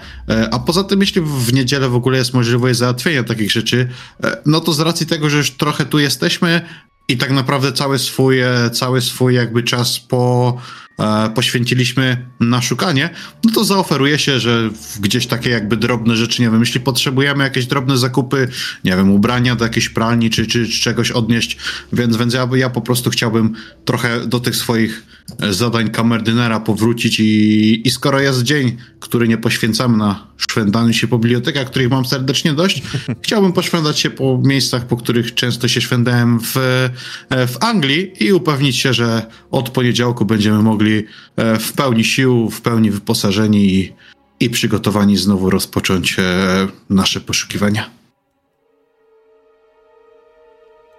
Dobra. A Milton? E, ja udam się na pewno też, e, że tak powiem, na aktywne zbieranie informacji. Może z językiem tam francuskim nie, nie, nie pomogę, ale, ale, ale, że tak powiem też, czy coś się uda może jeszcze o tej mm, posiadłości w tym czasie wolnym e, ustalić. Także z, z, z Laurensem i z Randalem się będę udawał. Dobra. E, jedna rzecz, którą chcę wam od razu, od razu powiedzieć, bo to może nie, nie, nie padło albo nie wybrzmiało w żaden taki sposób e, jawny, to dobra rzecz, o którą zapytał, zapytał Hiroto, ponieważ e, Orient Express na trasie Paryż-Konstantynopol odjeżdża w poniedziałki, środy i soboty w okolicach północy tak naprawdę. Więc to jest rzecz, o którą nawet nie, nie, nie musisz Hiroto chodzić i, i wypytywać, bo to będziecie, to wiecie już tak naprawdę ze względu na przygotowania z, mm, z Londynu jeszcze, jeszcze płynące. Dobra. Tak, ale wiesz, nawet się upewni, wiesz, który peron, jakieś tam, jak bilety i tak dalej, żebyśmy, gdyby się, gdybyśmy się zdecydowali, no a jakby nie patrzeć za wiele, za wiele dni nie mamy, to, to potem bez problemu, żebyśmy byli po prostu w stanie sobie, sobie wyruszyć i, i wiesz, i nawet ten czas, e, który normalnie byśmy tracili na poszukiwaniu chociażby peronu, czy, czy, czy gdzieś jakichś kas biletowych, czy cokolwiek, żebyśmy mogli poświęcić, wiesz, do ostatniej chwili na, na poszukiwaniach e, jakichś, jakichś nam potrzebnych informacji, a po prostu do pociągu cyk, rura, wsiadamy, jedziemy. Wszystko rozumiem. Czyli możemy przyjąć, że ty też przejmujesz trochę te e, logistyczne przygotowanie, jeśli chodzi o, o waszą podróż Orient Expressem, na, te, na tej zasadzie, że nie będziecie zaskoczeni, że w żadnym, spo, żaden sposób Dokładnie nie, tak, nie dokładnie tak. E, rzutowało na, na waszą podróż. Tak, wiesz, nie wiem, jeśli reszta nie będzie miała nic przeciwko, może trochę posortuję nasze bagaże, przygotuję, e, no bo już raz mieliśmy taką sytuację, że w sensie inaczej. I jesteśmy już na, na tyle nauczeni, że różne rzeczy się dzieją i, i może się okazać i, i to wcale by nie było niczym dziwnym, że będziemy musieli nagle z jakiegoś powodu po prostu, nie chcę mówić uciekać, ale opuścić Paryż w, ty, w trybie przyspieszonym, więc Hiro to stanie na wysokości zadania, żebyśmy byli po prostu gotowi wyruszyć e, przy minimalnym nakładzie czasu i, i środków na, na przygotowania. Dobra. W porządku. Jeśli chodzi o rzeczy związane z fałszerstwem i ewentualnym dopytywaniem ludzi, plotkowaniem, to zrobimy sobie najpierw 5-minutową przerwę, a później do tego, do tego wrócimy. Dobra? Tak więc wracamy do, wracamy do narracji Irene, od ciebie zaczniemy. Bo ty chcesz spróbować przetestować swoje, swoje fałszerstwo, więc proszę bardzo, zróbmy, zróbmy ten test. Dobrze. No, super. I teraz tak. A jeśli... I teraz y, chciałbym tylko powiedzieć, jak to wygląda, że mhm. fałszerstwo służy głównie do tego, aby ktoś nie odróżnił kopii od oryginału, którą ty stworzysz mhm. w tym aspekcie. Uprościmy sobie tutaj to na zasadzie tego, że nie będziemy rzucać na jakiś rysunek techniczny czy twoją zręczność, tylko rzucimy na to, że ty poświęcisz całą tę niedzielę praktycznie i będziesz tam e, próbować to odrysowywać albo nawet szkicować. Ty nie narysujesz tego jeden do jednego, oczywiście, że nie. To będzie tylko jakiś rzut, to będzie jakaś po, poglądowa, poglądowa rzecz. Mhm. Ale przy udanym teście, teście fałszerstwa, ty mogłabyś w jakiś sposób oszukać kogoś, że to jest oryginalny, e, oryginalny szkic. Chciała się coś zapytać, zanim to powiedziałem. Okej, okay, no chciałam sforsować, Mhm. ale w takim wypadku to nie chcę tego robić. Dobrze. Niemniej jednak ten test się nie, nie powiódł, więc ten szkic nie jest najlepszego, mm, e, najlepszej jakości i spędzasz tam dużo, dużo czasu Mhm, na tej tak zasadzie. jest. Panowie, którzy wypytywali o. chcieli pójść na miasto, jakby i wypytać o niektóre, niektóre rzeczy, mm, to z mojej strony jest prośba na rzucenie sobie albo na gadaninę, albo na urok osobisty. Wszyscy, którzy Czyli- poszli? Czyli w kwestii wynajmu też to wchodzi w grę, tak? Jeśli chcesz wynająć auto, możesz sobie to rzucić, ale to jest tylko taki bonus już dla ciebie, jeśli chodzi o test yy, umiejętności. Wreszcie mi coś wyszło. Uf. Milton, udany test yy, gadaniny. Lorenz, nieudany test gadaniny. Eee, I urok osobisty o jeden punkt zdany u Randala. Randall. Oczywiście e, instytucja wynajmowania samochodów we Francji w tych czasach istnieje i ma się nawet bardzo dobrze. Chciałbym rzec. Więc znalezienie odpowiedniego samochodu, który pomieści was wszystkich, nie będzie stanowiło większego problemu. Decyzję jeszcze pozostawię, pozostawię tobie, ze względu na to, że kiedy zastanawiałeś się, czy wynająć auto, gdzieś także mignął ci, minął pomysł Hiroto, który udał się w stronę jednego z dworców francuskich do Poissy. Prawdopodobnie także można dojechać pociągiem. Jeśli jednak chce się być osobą, ludźmi e, wystarczalnymi i decydującymi sami za siebie, samochód jest dobrym rozwiązaniem. Teraz, co prawda, tutaj w Paryżu śnieg zdawał się stopnieć praktycznie całkowicie, ale nie masz pojęcia też, jak wyglądają drogi poza, poza miastem.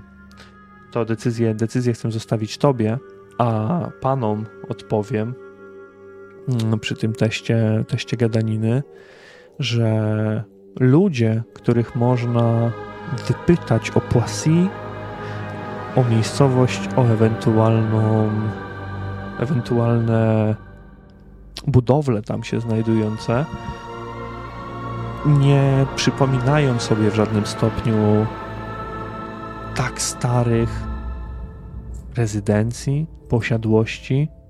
Coś, co mogło zostać zniszczone w toku działań wojennych, jednych czy drugich,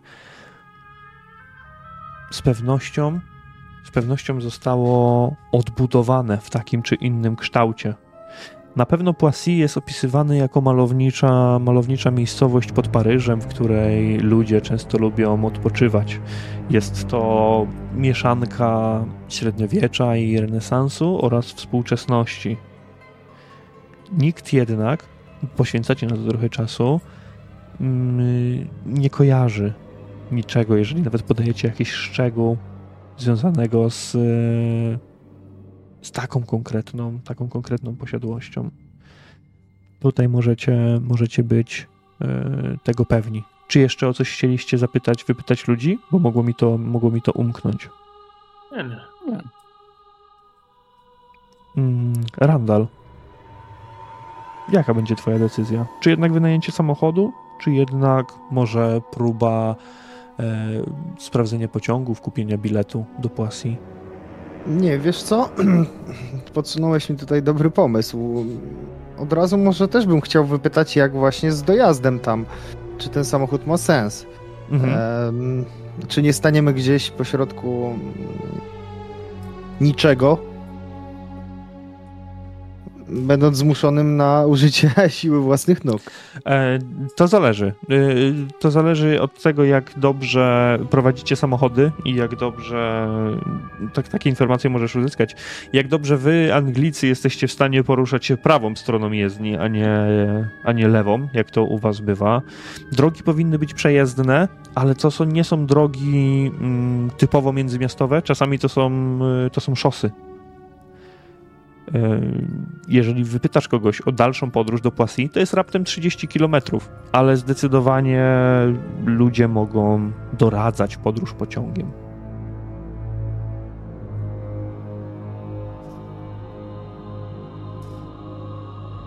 Hiroto, u ciebie sprawa jest jak najbardziej jasna. Docierając w okolice francuskich dworców kolejowych, upewniasz się, skąd odchodzi Orient Express, e, którego dnia, w jakie dni potwierdzenie biletów. Tak jak mówiłeś jeszcze wcześniej o, o jakichś bagażach, zajmujesz się typowo kamerdynerską robotą. I tutaj jakby nakładam też parasol ochronny, że w żaden sposób ta podróż, ten pierwszy etap e, pary, paryski e, nie zaskoczy ciebie w żaden sposób. Czy to jest coś, co cię kontentuje, czy chciałbyś coś jeszcze uzyskać? Nie, jak najbardziej, tak jak mówię, no jakby chciałem trochę nawiązać raz do, do mojego zawodu, do mojej funkcji, a dwa, już tak się różne rzeczy działy na sesjach, że jak najbardziej mnie to kontentuje, że w razie czego będziemy w stanie szybko i sprawnie wyruszyć. Dobrze. Mm, co do twojego pytania, ja wynajmę ten samochód i jakby tą decyzję pozostawię dla nas wszystkich wspólnie, a najwyżej po prostu jeśli nawet z niego nie skorzystamy, to myślę, że ktoś z obsługi hotelowej za jakąś tam drobną opłatą jest w stanie ten samochód nawet za nas, żeby nie tracić czasu, zwrócić po prostu na e, do tego miejsca, gdzie, gdzie on został wynajęty. Razem jesteście ty i Irene na tyle majętnymi i wpływowymi osobami, że nie powinno być żadnego problemu w ewentualnym nawet oddaniu tego samochodu, jeżeli zajdzie taka konieczność. Ale tak jak, tak jak, tak jak powiedziałeś, decyzję będziecie mogli podjąć yy, wspólnie. Jak już, się, jak już się spotkacie tego dnia, czy też już dnia następnego. Czy ktoś z Was ma jeszcze jakieś pomysły, deklaracje ewentualnie, czy chcecie przejść już do poniedziałku 15 stycznia? I jak gdzieś, ale to długoterminowo, jeśli to będzie taka możliwość, chciałbym podobnie jak, e, e, jak Filip uczył się włoskiego, to jak gdzieś chciałbym skorzystać, może niekoniecznie w tą niedzielę, ale jeśli, to, czy w takim systemie, w jakim on się uczył, od niego gdzieś tam spróbować podłapać francuskiego, ale to już gdzieś tam pod koniec, jak będziemy, jak będziemy ruszać. Filip jeszcze się nie uczył, jeszcze ta deklaracja nie padła, ale wyprzedzasz ale, no, wiesz, na podobnej zasadzie, gdyby, gdyby to miało wyglądać. To nie, w sensie tłumaczyłeś, jak ewentualnie taka nauka miałaby wyglądać. O. Jasne. Będąc w pełni ja, tak, ja jako Filip się nie uczyłem nigdy włoskiego i, i nie mam zamiaru. Aha, no to tak, Flores. ale, ale wytknął, no. Ale tu żartownisie, ho, ho, ho. No dobra. E, ale Lorenz, ta deklaracja jakby nie padła z twoich ust, bo mimo wszystko były, były te pytania. Mhm.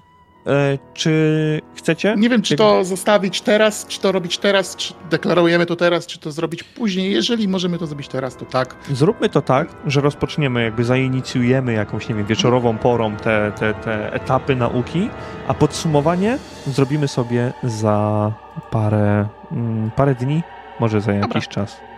Dobra, inteligencja? Tak, obu was poproszę o przetestowanie po prostu inteligencji. Nice. Super, dobra.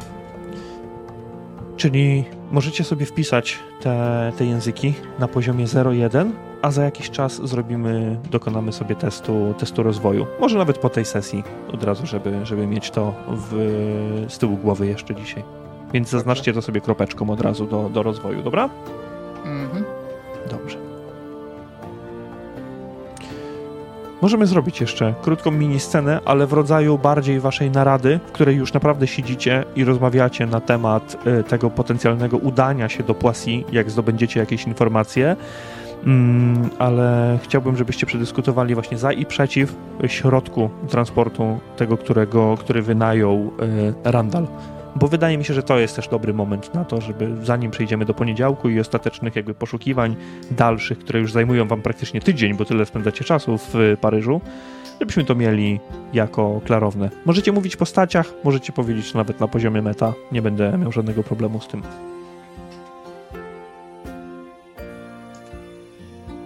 Ale ważne, hmm. żebyście mówili. Panie Randalu, e, i, i jak udało się coś ustalić w kwestii E, dojazdu do pasji? Mamy jakieś opcje? Tak, w zasadzie to dwie. Jedna to, tak jak wiecie, to samochód, o którym e, wspominałem. No, daje nam pewną niezależność, jednak no, hmm, z tego co udało mi się dowiedzieć, no, może być różnie. No, hmm, nie wiem, czy um, którykolwiek z Państwa um, prowadzi samochód w stopniu takim, że jesteśmy w stanie na przykład poradzić sobie z bardziej cięższym terenem albo bardziej wymagającym. No wiadomo, ruch tutaj też jest inny. E, to jest jedna rzecz. A druga, no. pociąg. Możemy dostać się tam pociągiem, co oczywiście odbiera nam pewien element e, niezależności, ale.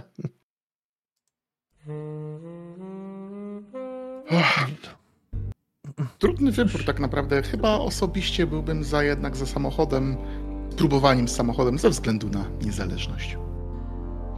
Też właśnie o tym myślałem i, i to przyświecało mi w tym, by zdobyć pojazd. Zasugerowałabym, że można by było wynająć kierowcę, ale w takim wypadku trzeba byłoby się zabrać na, na dwa auta, niestety. Hmm. To też jest jakaś myśl kierowca, ale. Hmm.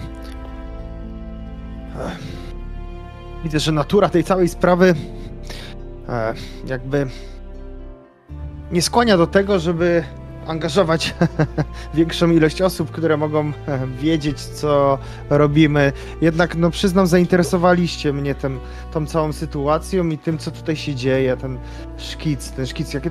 A właśnie, wracając do tego szkicu, czyli wychodziłoby tak, że po tym, jak e, hrabia stracił życie, jego majątek został zabrany, bardzo możliwe, że ta cała królowa Właśnie stąd miała ten szkic, tak? Dobrze myślę? Drodzy Państwo, właśnie. Najprawdopodobniej. Udało mi się go... O właśnie, jak to? W pewnym sensie odtworzyć. Niestety nie jest to kopia, która jest jakoś bardzo zbliżona do oryginału. Niemniej jednak jest to kopia tego szkicu i może w przyszłości będziemy w stanie dowiedzieć się nieco więcej. Ja wyciągam ten szkic ze swojej torebki, pokazuję oczywiście moim towarzyszom. Ten nos tylko, jak kartofel, ale...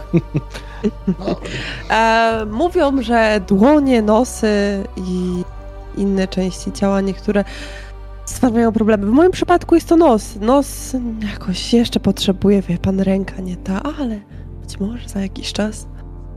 Randall bierze ten szkic i tak e, troszeczkę bardziej, e, można powiedzieć, prześmiewczo, jakby m, mm, patrząc na, na szkic, próbuje jakby w te różne strony, e, kopiując te, te ruchy, które miały miejsce w, e, w muzeum, e, spojrzeć, czy, czy ten wzrok z, z szkicu podąża za nim. Nie, nie zostało to aż tak dobrze odwzorowane, ale na 100% tak nie, nie podąża.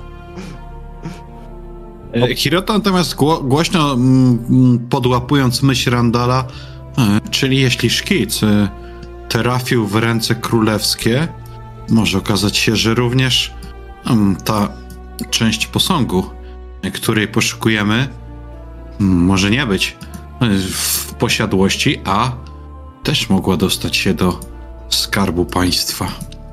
Tak naprawdę tego byśmy chcieli uniknąć. Skarbiec królewski został, tak jak już mówił, Raymond rozkradziony. To by faktycznie nie tam znalazła się ta rzeźba, bo wtedy tak naprawdę moglibyśmy po całej Europie, a może i świecie szukać i, i nasza misja nigdy, nigdy nie dotarłaby do końca. Pokładajmy jednak nadzieję w tym, co E, znajdziemy, może jednak się uda. Wracając do samochodu, Miltonie, jakie ty masz zdanie na temat pociąg, samochód? Pociągów to chyba mamy aż, aż nadto, ale ja myślę... samochodem słabo jeszcze. No, ja również, ale myślę, że ten samochód jednak też przemawia do mojej wyobraźni w świetle tego, co już doświadczyliśmy. Ten ostatni pociąg nie za dobrze dla nas się skończył, więc myślę na razie że samochód jest tym środkiem transportu. Zaryzykujmy, no. Ustawmy trasę tak, żeby jechać nawet może wzdłuż trasy pociągu, jeżeli się uda, i odpukać, jeżeli gdzieś natrafimy na jakąś poważniejszą przeszkodę, to przesiądziemy się do pociągu. To jest myśl. Mhm. Dobrze. Niech tak będzie. Samochód. Dobra.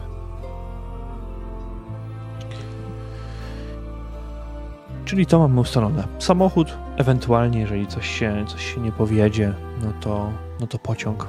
Oczywiście, że tak.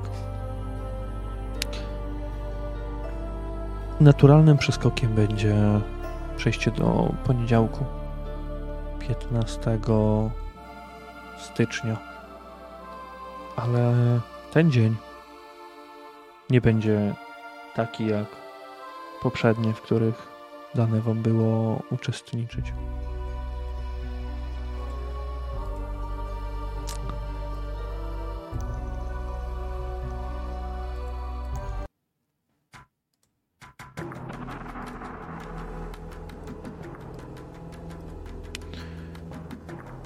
Cisza przed burzą. By tak można było określić poprzednie dni.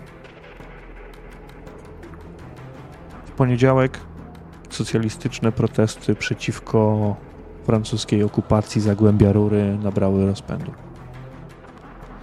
Zaplanowana na poniedziałek demonstracja wyszła na ulicę pod sztandarami wolności, równości i braterstwa.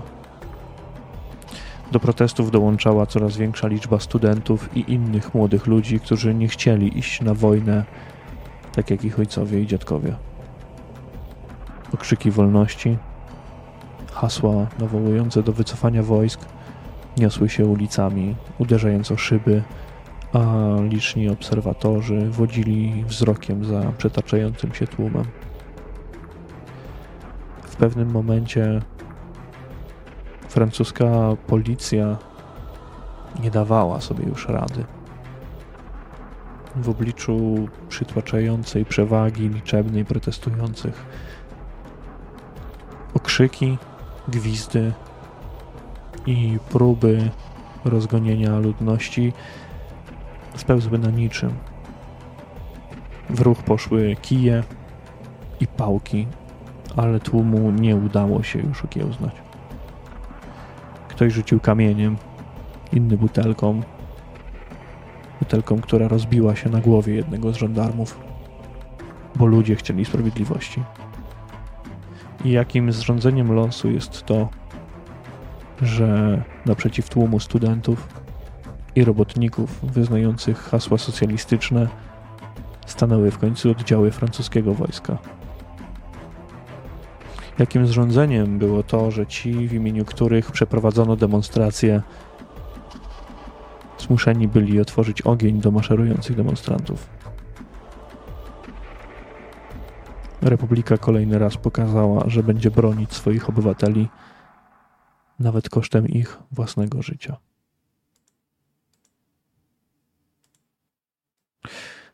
W migawkach uciekających młodych ludzi, rozganianych przy pomocy oddziałów konnych, widać sceny rodem z dramatu. Poprzewracane stragany, rażeni kulami ludzie, leżący twarzą w stronę bruku, wylatujące w powietrze kartki papieru zapisane przez studentów w formie notatek. Jednak ich autor nigdy ich już nie przeczyta. Na chodniku przed bibliotek Tyle Arsenal w pewnym momencie siedzieć będzie starszy mężczyzna, trzymając na kolanach zastygłą twarz Remiego Van Rzejma. Głaszcząc jego rozczochrane włosy, ścierając padający śnieg, który znów zaczął padać. Zadba następnie, aby młody student Sorbony spoczął w miejscu godnego pochówku. Nadpływające nad Paryż czarne chmury roztoczą nad miastem całun śmierci. A wy tego dnia, odwiedzając Bibliotek National, dowiecie się, że wasza współpraca z Remim Van Jamem została zakończona bolesną śmiercią młodego studenta. Remi kilka dni temu powiedział wam, że nauczanie was szukania informacji to coś, co może wam się przydać prędzej czy później. Dla ludzi z Bibliotek National nie byliście już byle kim z ulicy.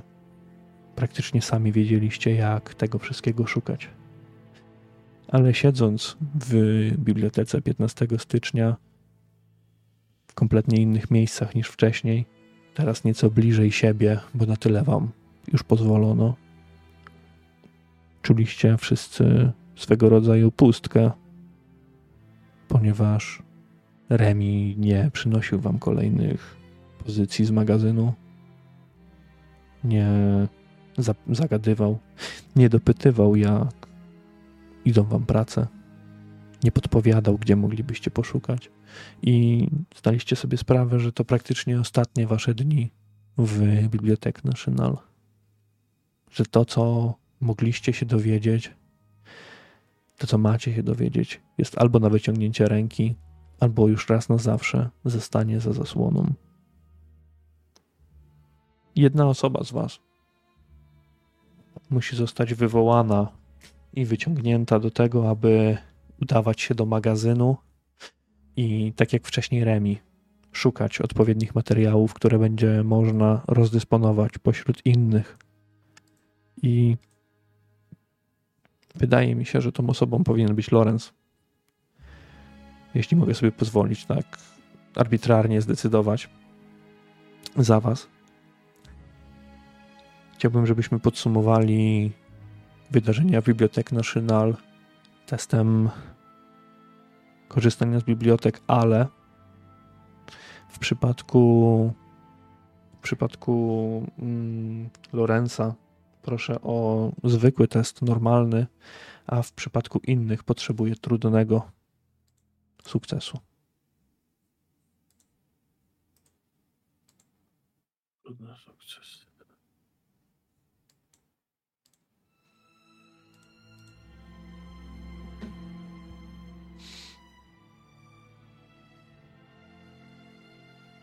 Dobra.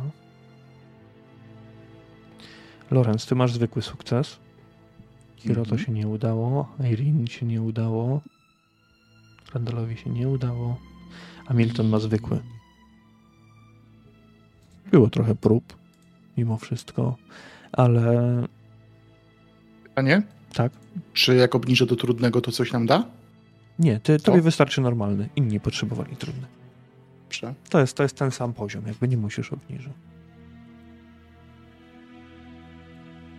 Czy jest jeszcze jakaś rzecz osobna oprócz mm, tych informacji odnośnie hrabiego i Własi, jego willi, które chcielibyście odszukać? I tutaj pytanie skieruję mimo wszystko do Miltona, bo on, mia, on ma normalny sukces. E, No i do Lorenza, bo jemu się udało w tym wszystkim. Notatkę, notatkę. Ja chciałbym na pewno e, poświęcić się temu tłumaczeniu, które ostatnio mieliśmy, zdając sobie sprawę, że na pewno reszta e, poradzi sobie z innymi informacjami. To ja tą, tą, tą, tą informację o bezskórym chciałbym cokolwiek Dobra. poszperać. Ta sama odpowiedź. Jasne. Ja będę prosił w takim razie już od razu o podpórkę z waszej strony o test medycyny. To Mimo wszystko proszę spróbować, nawet jeśli jest mało. No, słuchaj, ja mam takie rzuty, że wiesz, może mi. No nie. No, patrz. Widzisz to? O, 70 medycyny. Spójrz na to, co zrobił? Lorenz. Ja to obniżę. A, dwa, a mógł mieć jeden i mieć naturalne rozwinięcie medycyny. A to wszyscy rzucają? Nie, czy... nie, nie, tylko, tylko dwaj Mhm. panowie. Okej. Ja to obniżam. Dobrze, ale nie zaznaczasz wtedy. No wiem, wiem. Miltonie, A forsowanie się zaznacza też nie. forsowanie się zaznacza. Jeżeli się udaje A, po forsowaniu, To to ja, to ja forsuję. No. Nawet mi nie dałeś powiedzieć, co się stanie, jeżeli będzie nie tak, więc Nieważne. uznajmy. To już rzut z zaskoczenia, one zawsze działają. Dokładnie tak. Przepraszam, ale po prostu mieć tą medycynę na 96 chciałbym. Jak nie stracę życia, to. Naturalnie, że tak. Dobra.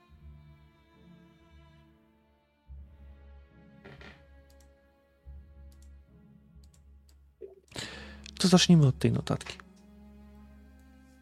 Jeśli chodzi o bezskórego, wydaje się jakby nie było żadnych zapisków Bibliotek National na ten temat.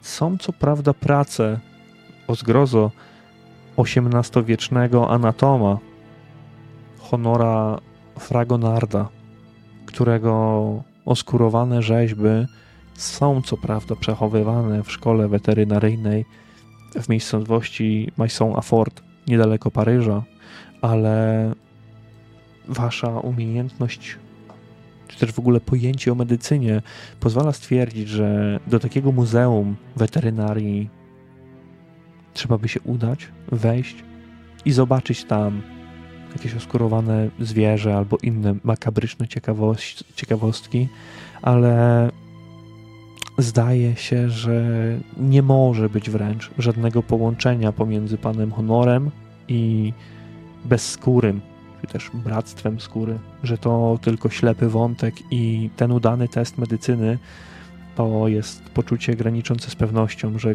gdybyście tam pojechali, stracilibyście jedynie czas, a biblioteka w Paryżu nie jest w stanie zaoferować wam zbyt dużo na ten temat. Niemniej jednak, ty, Lorensie, idziesz w końcu z magazynu z kilkoma teczkami ze swoich towarzyszy. Możemy przyjąć, że na poczet tych ostatnich poszukiwań siedzicie wszyscy razem już w, przy jednym dużym stole, przy jednej dużej, dużej katedrze, rozmawiając po cichu, naturalnie, ze, ze sobą.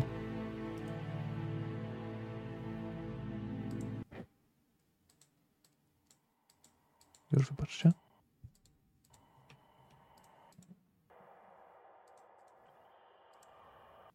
Dobra. Niesiesz dokument, który zdaje się rozpadać na części pierwsze. To kolejny dziennik. Rękopis Luciena Rijolta, lekarza królowej Marii Antoniny. Opisuje on, no właśnie. Chyba będę musiał Ciebie zatrudnić, Filip, kolejny raz. Do przynajmniej próby przeczytania, a jeżeli nie dasz rady tego rozczytać, nawet na przybliżeniu, to mi powiedz. Nie, dam radę. Już. No to proszę Cię serdecznie. Przynajmniej tak myślę. Tak, dziennik Luciana Rijolta. Dwie noce później żołnierze króla siłą weszli do willi hrabiego, aby, wró- aby ukrócić jego ekscesy. Po spaleniu posiadłości przywiedli hrabiego przed oblicze królewskiego przedstawiciela, który następnie poprosił mnie, abym był obecny w celu wydania opinii. Hrabia Fenalik krzyczał i wił się. Z łatwością dało się dostrzec, iż jest szalony. Ponieważ był arystokratą i szaleńcem, nie mogliśmy w nim, na nim e, dokonać egzekucji, więc zasugerowałem, aby miłościwy król umieścił Fenalika w Charenton, jeżeli dobrze wymawiam. Tak. Królewski przedstawiciel łaskawie przychylił się do mojej sugestii i zaaranżował przetransportowanie Fenalika do, jego, do tego miejsca. Później król zaaprobował tę decyzję i dyspozycją tą i dyspozycja ta stała się permanentnym rozwiązaniem. Ostatnio, kiedy miałem jakieś wieści na temat hrabiego, dowiedziałem się, że został zamknięty w piwnicy, ponieważ był agresywny wobec pacjentów przybytku.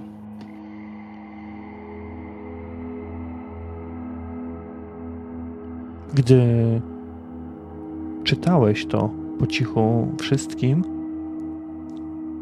ty, Miltonie, z, z innych zbiorów, jakby z gazety obok, przypomniałeś sobie, zdałeś sobie sprawę, że czytałeś coś. Ta nazwa Charenton, ona coś mówi. Szpital nadal istnieje. i szczyci się staniem na straży poczytalności. Ale docierasz bardzo szybko do pewnej publikacji sprzed tygodnia na taki temat. I tutaj ciebie, Miltonie, będę poprosił o odczytanie tego, jeśli mogę prosić. Jasne.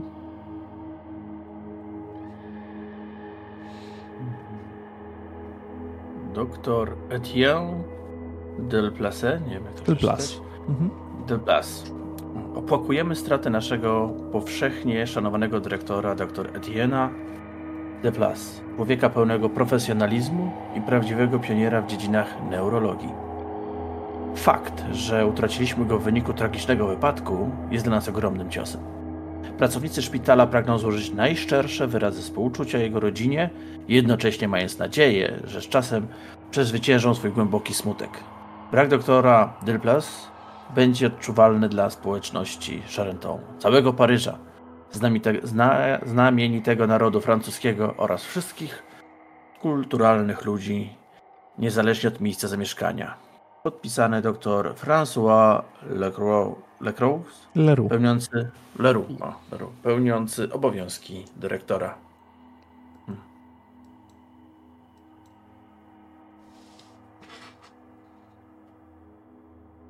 Jeżeli szpital dalej istnieje, to może dalej ma akta. pewnością i może ten wypadek też jest jakoś połączony, chociaż po tylu latach. Nie, to nie może być to. Ale coś może być na rzeczy. Tak jak Milton powiedział, nic nie dzieje się bez przyczyny, prawda?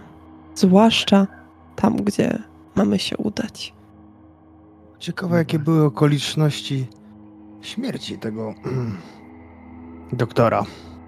Tak, nic nie mówią. No właśnie, napisane jest tylko o wypadku, ale ani co to za wypadek, ani jakie były jego okoliczności, kto się do niego przyczynił, co się właściwie stało. Nie może uda nam się tego dowiedzieć. No, myślę, że łatw, to będzie łatwiejsze do dowiedzenia się niż co dalej się działo z hrabią Fenrik. Hmm. Liczyłem, że... tylko, do czego nas to doprowadzi, co nam to da. Jeżeli leczenie było mm, dosyć szczegółowo prowadzone, być może uda nam się odkryć jego ostatnie słowa, albo ogólnie o czym mówił, coś, co może nas nakierować. Jeżeli oszalał, być może było to spowodowane posiadaniem semafora. Czego? Yy, nie semafora, symulakrum.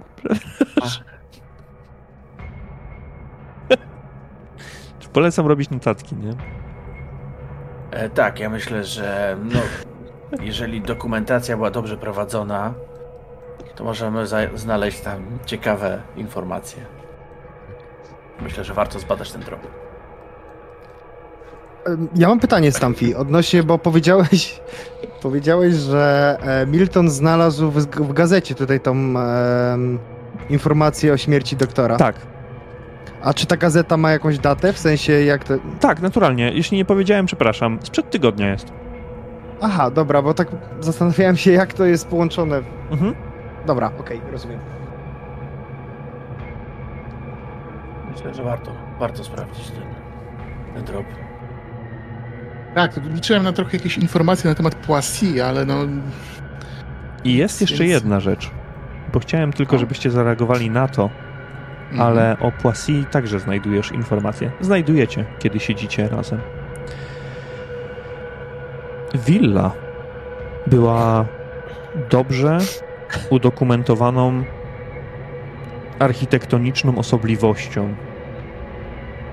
W... Nie, nie ma konkretnej relacji, ale w tych zbiorach opisuje się ją jako mieszankę stylów architektonicznych, począwszy od greckiego klasycyzmu, mm, stylu średniowiecznego, kończąc na świeżo wybudowanych, nierównych wieżach, jakby imitujących gotyckie ruiny. Ten budynek miał trzy poziomy, łącznie z piwnicą. Kilkanaście sypialni, sale balowe i mnóstwo typowych bawialni. Docieracie do planów budynku wykonanych przez paryskiego budowniczego I one ukazują szczegółowy rozkład pomieszczeń w domostwie z zaznaczonymi na nich schodami prowadzącymi w dół do tej części piwnicznej, której nie ma już na żadnym planie. To nie jest szkic.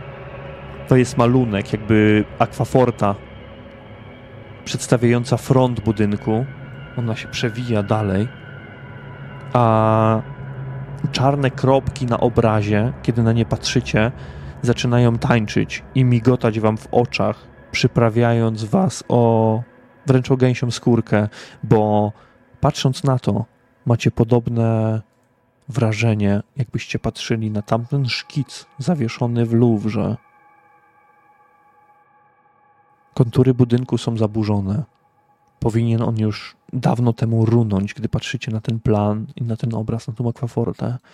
Nie ma nigdzie nie podanego konkretnego adresu, ale gdzieś w rogu jakby zapisano informację Urząd Miasta w Poissy. Niemniej jednak, ze względu na wydarzenia, które działy się w Louvre i połączenie tego z tym obrazem, chciałbym, żebyśmy przetestowali sobie poczytalność.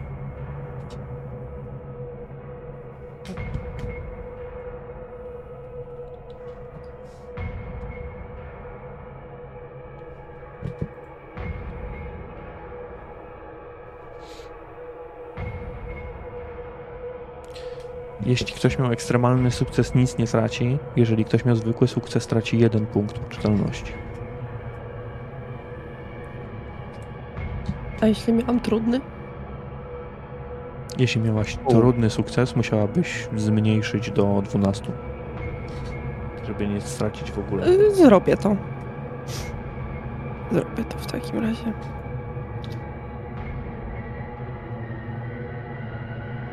I wtedy nie stracisz. Jak dopytam, bo Tak. nie wiem, czy dobrze zrozumiałem. Ten napis w rogu Urząd Miasta Poissy to znaczy, że to jest Urząd Miasta w Poissy? Czy Nie, to jest. jakby Czy to, no, czy to, co jest, trzymamy w ręku, jest własnością Urzędu Miasta? to, tak, tak jakby Dobra. coś takiego, że to było, może było e, własnością miasta Poissy, dobrze, że dopytujesz, e, ale znalazło się w zbiorach Bibliotek National, ale musiało na pewno przejść przez Urząd Miasta w Poissy. Może jakby kolejny etap, jakby było do czego się odnieść, kiedy już byście w Poissy się znaleźli, ale Patrząc na zebrane informacje i na to, jak wygląda w tym momencie październik 15 stycznia, październik, poniedziałek 15 stycznia, e, chciałbym, żebyście, dzisiaj jest w ogóle jakiś dzień lapsusów językowych, chciałbym, żebyście zdecydowali, już nawet opuszczając Bibliotek National, Ja jeszcze chciałem wtrącić, bo już powiedziałeś o To daj mi, opuszczając. daj mi tylko słowo, co, do czego dążę i będziesz mógł wtrącać. Chciałbym, Jasne. żebyście zdecydowali między sobą, czy chcecie udać się do szpitala w Charenton, czy chcecie udać się do Poissy i proszę bardzo, Randall.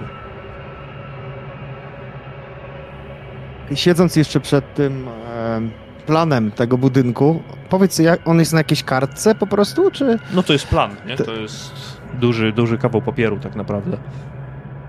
I rozumiem, że on był jakoś tak złożony... To był rulon. E, Możemy przyjąć, że w rulonie go przyniósł e, Lorenz. ja tak spoglądam z powagą całkowitą na wszystkich. Mam taki niecny pomysł. Co myślicie, czy ten plan mógłby nam się przydać? Ja wiem, rozumiem oczywiście tutaj może Lorenza, który będzie od razu negatywnie do tego podchodził, ale jednak wiecie, co mam na myśli. Sugeruje pan, że mam wypożyczyć ten plan, tak? E, tak, oczywiście, zwrócimy go wracając.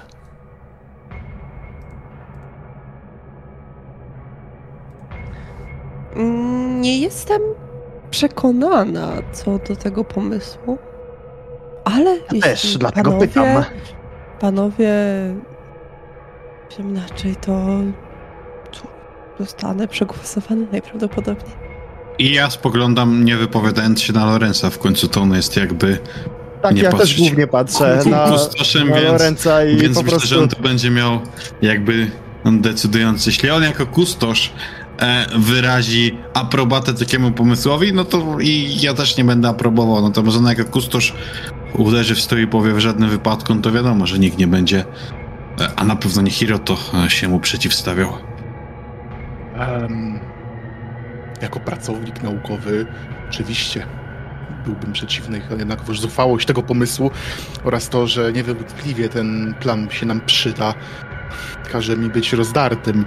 E, Stanfi, mam pytanie, czy jak ja, to jak ja tam chodzę do tych archiwów, przynoszę to i odnoszę, czy ja wypełniam jakiekolwiek kwity na to? Tak. No właśnie. Naturalnie musieliście wpisać to, co jest waszym jakby ym, na początku obrębie waszych zainteresowań, a potem wszystko, co jest wypożyczane i wynoszone z magazynu, to co pokazywał wam Remi, musi zostać opisane, wpisane do, wpisane do akt, więc A czy ktoś to sprawdza? W sensie takim, jak już no odnosi... tego już, tego już nie wiesz, to jest oddawane po prostu. Mhm. Ale ech, rozumiem, mm, dlaczego się wahasz, e, Lawrence. Być może w tej sytuacji ponownie przydadzą się moje umiejętności. Mogę spróbować e, odtworzyć te plany. Oczywiście oryginał byśmy zwrócili, natomiast e, dokładną kopię zabrali ze sobą. I zajęłaby ona pewnie mniej miejsca. Wszak rozłożenie gdziekolwiek tego planu byłoby problematyczne. Jest to, myślę, że tak możemy zacząć. Ja też y, jako ktoś, kto zna się na malarstwie, mógłbym też pomóc w jakiś sposób. Może Ale nie. Spójrzcie, spójrzcie na to z tej strony.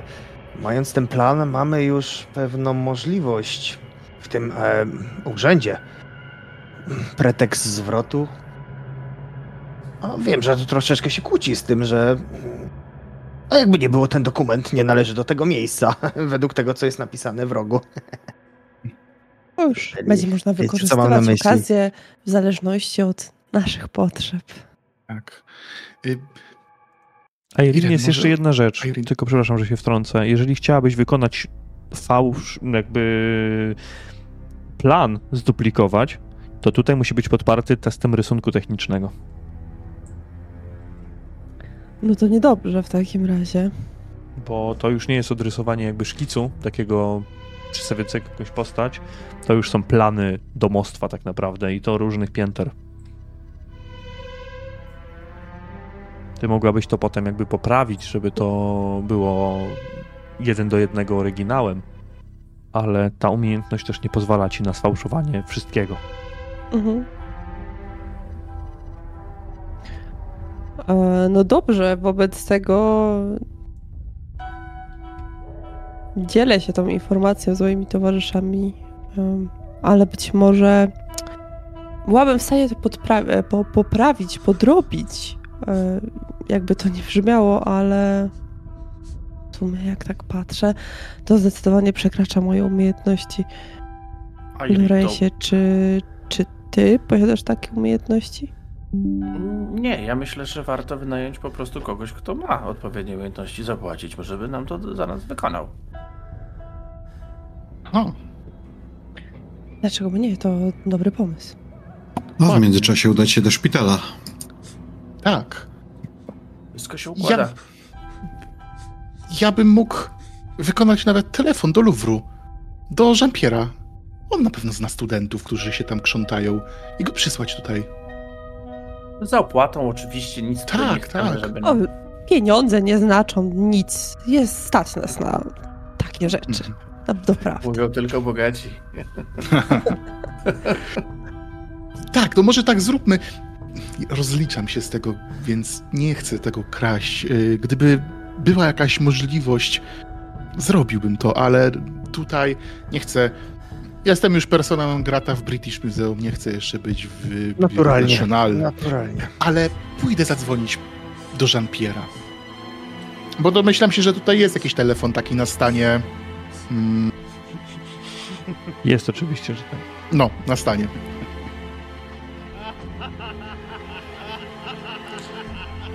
Więc pójdę się udam. pój- Pójdę się udam. Pójdę. tak, pójdę e, poprosić o ten telefon i wykonam telefon do Louvru, do, do, do Jean-Pierre'a. Dobrze. naturalnie. To, to połączenie, prosił. połączenie trochę trwa. Chcesz go poprosić o wysłanie kogoś tutaj do bibliotek, aby skopiował plany. Tak. Tak jest. To, to i tak jest e, test jakby trochę... Wystawia na test waszą znajomość i, i przyjaźń, bo A. to że, to, że w Louvre na przykład tam sobie malują, odmalowują jakieś rzeczy, a tutaj z biblioteki, to jednak kopiowanie takich planów no raczej jest zabronione. Nie, nie robi się tego w arkuszach 1 do 1, plus to trzeba mieć do tego naprawdę konkretny powód. Jeżeli to jest taka osoba mm, renomowana, już jak z Louvru, to może też inaczej na to spojrzą, ale lepiej, żeby nie była przyłapywana na takich e, czynnościach, więc to też wymaga osoby odpowiednio mm, dobrej w tym aspekcie. I tutaj potrzebuję od ciebie testu charyzmy bądź roku osobistego i im wyższy sukces, tym lepiej. Niedobrze. A zanim y, Lorenz przetestuje, czy Filip, to jeszcze y, takie mm, wtrącenie, bo ciekaw jestem, czy technicznie wchodzi w grę zamiast przerysowanie. E, może Jean-Pierre mógłby w imieniu Louvru poprosić o wypożyczenie tego dokumentu i nam go udostępnić. Chociaż zakładam, że test będzie pewnie podobny. To w ogóle nie wchodzi w grę tak naprawdę. Nie można wynosić e, eksponatów z czytelni poza jej obręb, niestety. Eee, Jezu, charyzmę to masz na myśli? Bo nie mogę znaleźć. Perswazję, jest- przepraszam. Perswa, aha. Mm, Czyli charm albo... no nie no. Uroku.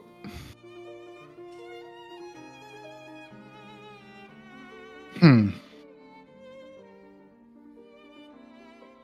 Porażkę skutkuje tym, że no niestety, ale Jean-Pierre nie, nie zgodzi się na to, na, na, taką, na taką pomoc. To jest... To może wykraczać poza jego możliwości. A sforsowanie tego testu?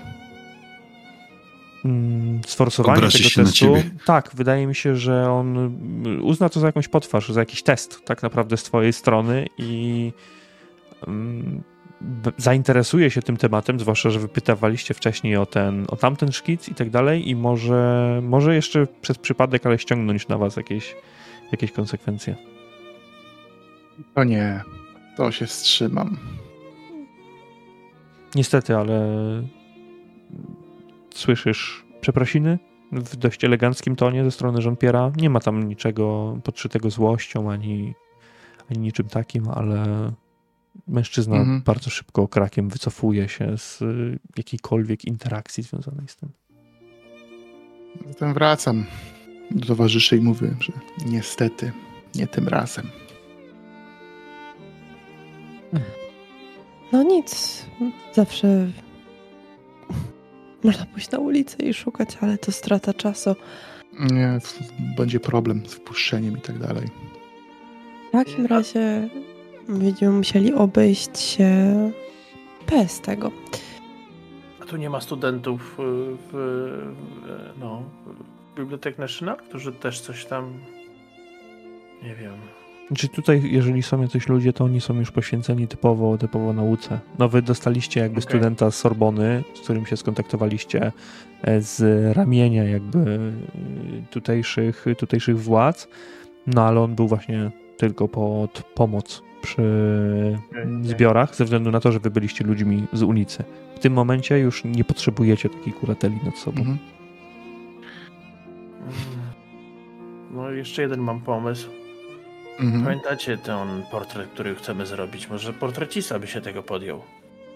Ale no nie wyniesiemy tego. Czy wyniesiemy? Nie, nie, on musiałby mieć możliwość, żeby tutaj wejść. Potrzebujemy portrecistę, który może wejść do biblioteki. To by przykuło bardzo dużo uwagi, podejrzewam. A jakaś kalka? bezpieczniej będzie odpuścić. Tak, może przerysujmy to po prostu tak nie dokładnie sensu, sensu stricte, ale po prostu te przejście, te, te, te po- przejście do piwnicy, te poziomy. Może Mamy chociaż to. No właśnie, przecież nie potrzebujemy planów e, całego domu, a interesuje nas to tak naprawdę, co jest pod nim. Mhm. Dlaczego by nie? Właściwie to nie powinno sprawić nam zbyt wiele problemów. Chociaż hm, zrobić schemat schematu to brzmi nieco głupio. Takie coś będzie wymagało testu malarstwa, czy to już będzie można rozwiązać jakimś innym Masz test testem? malarstwa do zrobienia?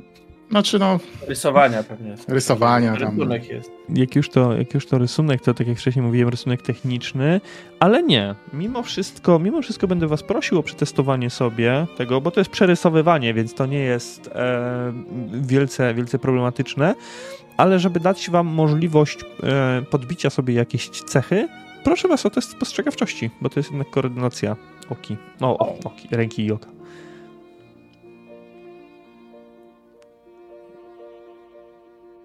Świetnie. Przy tylu trudnych sukcesach i sukcesach wydaje mi się, że jeżeli zajmiecie duże Wspólnymi. połacie mm, e, tutaj stołu wspólnymi siłami, tak jak mówisz Miltonie, nie będzie problemu w tym, żeby nanieść e, jakieś mm, plany bardziej pokraczne bądź mniej na arkusz papieru, ale w drodze tego, że jesteście w czytelni Bibliotek National, nie możecie teraz wynieść po prostu rulonu pod pachą, więc to trzeba mocno gdzieś poskładać, wsadzić sobie do, do, do torby e, i tyle. I opuścić czytelnię. Tak. I to pytanie, które postawiłem jeszcze zanim tutaj Randall zainicjował całą scenę e, swoją, swoją wypowiedzią. Chciałbym, żeby wróciło teraz. Czy na kanwie wydarzeń z biblioteki i jakby pewności, że sprawdziliście praktycznie wszystko, co, co tutaj się dało w tej części magazynowej. Czy szpital w Charenton, czy jednak Poissy? Jesteśmy w stanie oba, że tak powiem, miejsca obskoczyć? Czy jednak musimy się podzielić, gdybyśmy chcieli oba? Zależy, Eee. zależy Hiroto, jaki sobie dajesz bufor czasowy. No właśnie. Jest poniedziałek, czyli mamy dwa dni, no bo pociąg jedzie dopiero w środę. Pociąg jedzie re regularnie jakby. Jeżeli się nie załapiecie na ten w środę, no to będzie ten w sobotę. E, Tak, ale jakby gdybyśmy chcieli powiedzmy jechać kolejny, no to i tak mamy poniedziałek i, i mamy wtorek, no nie? Więc jeśli poświęcimy dzień na to i dzień na to, to i tak w środę, a, to, a nawet część środy teoretycznie, więc mamy dwa i pół dnia i myślę, że ja jakby się tym dzielę, żeby w razie czego oba miejsca odwiedzić. Drodzy To Państwo, teraz, myśl... wybaczcie, żeby tylko, muszę, muszę ustandaryzować. On odjeżdża w środę o północy, czyli z, mo z momentem rozpoczęcia się środy. Nie końca czyli środy. z wtorku na środę, Tak. czyli w, w środę, okej, Plus, dobra, dobra. plus mamy około południa w poniedziałek w tym momencie. Więc Czyli mamy macie połowę dnia i cały wtorek. W takim razie myślę, że najpierw lepiej byłoby udać się do posiadłości, a następnie do Nie, szpitala. nie, nie, nie, nie. Lady. Szpital. Szpital może nam powiedzieć dużo o naturze schorzenia, które trawiło hrabiego i co może nas spotkać w miejscu, które planujemy odwiedzić. A jeśli nie dowiemy się, co tak naprawdę się działo, a no i druga sprawa, dowiedzieć się, co, co spotkało tego doktora. Tak, doktora. Oczywiście, też myślałem o odwrotnej kolejności.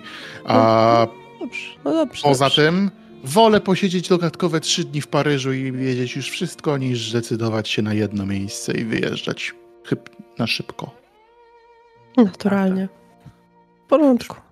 W szpitalu możemy znaleźć jakieś informacje, które nam, rozumiecie, uczulą na coś, na co możemy spotkać w domu, coś, Tak. wiecie, ten człowiek był niespełna rozumu, coś mógł tam, ma, nie wiem, no, rzucam jakąś taką prostą myśl, po prostu coś zaznaczać, coś sobie narysować, co w domu przeoczymy, a jak będziemy wiedzieć, na co patrzeć, tak, szpital, myślę, będzie tym miejscem, które powinniśmy zacząć. Tak. W takim Zatem razie szpital? niech będzie szpital. Dobrze, kochani. Szpital dla umysłowo chorych Charenton stanowi co prawda część metropolital metropolitalną Paryża, jednakże w praktyce jest odrębnym miastem położonym na południowo-wschodnich przedmieściach stolicy. Położone nad brzegiem Sekwany ze średniowieczną zabudową stanowi idealne miejsce dla właścicieli dużych rezydencji, aby tam, z dala od gwaru miasta, mogli kontemplować nad sensem życia. Do Charenton można dojechać pociągiem z jednej z paryskich stacji, jednakże można udać się tam także taksówką bądź wynajętym przez Was wcześniej samochodem. Ten jednak wybór zostawimy sobie już na następną sesję. A tam zakończymy w tym momencie. Dziękuję Wam bardzo za dzisiaj. Dziękuję. Dzięki. Dziękuję.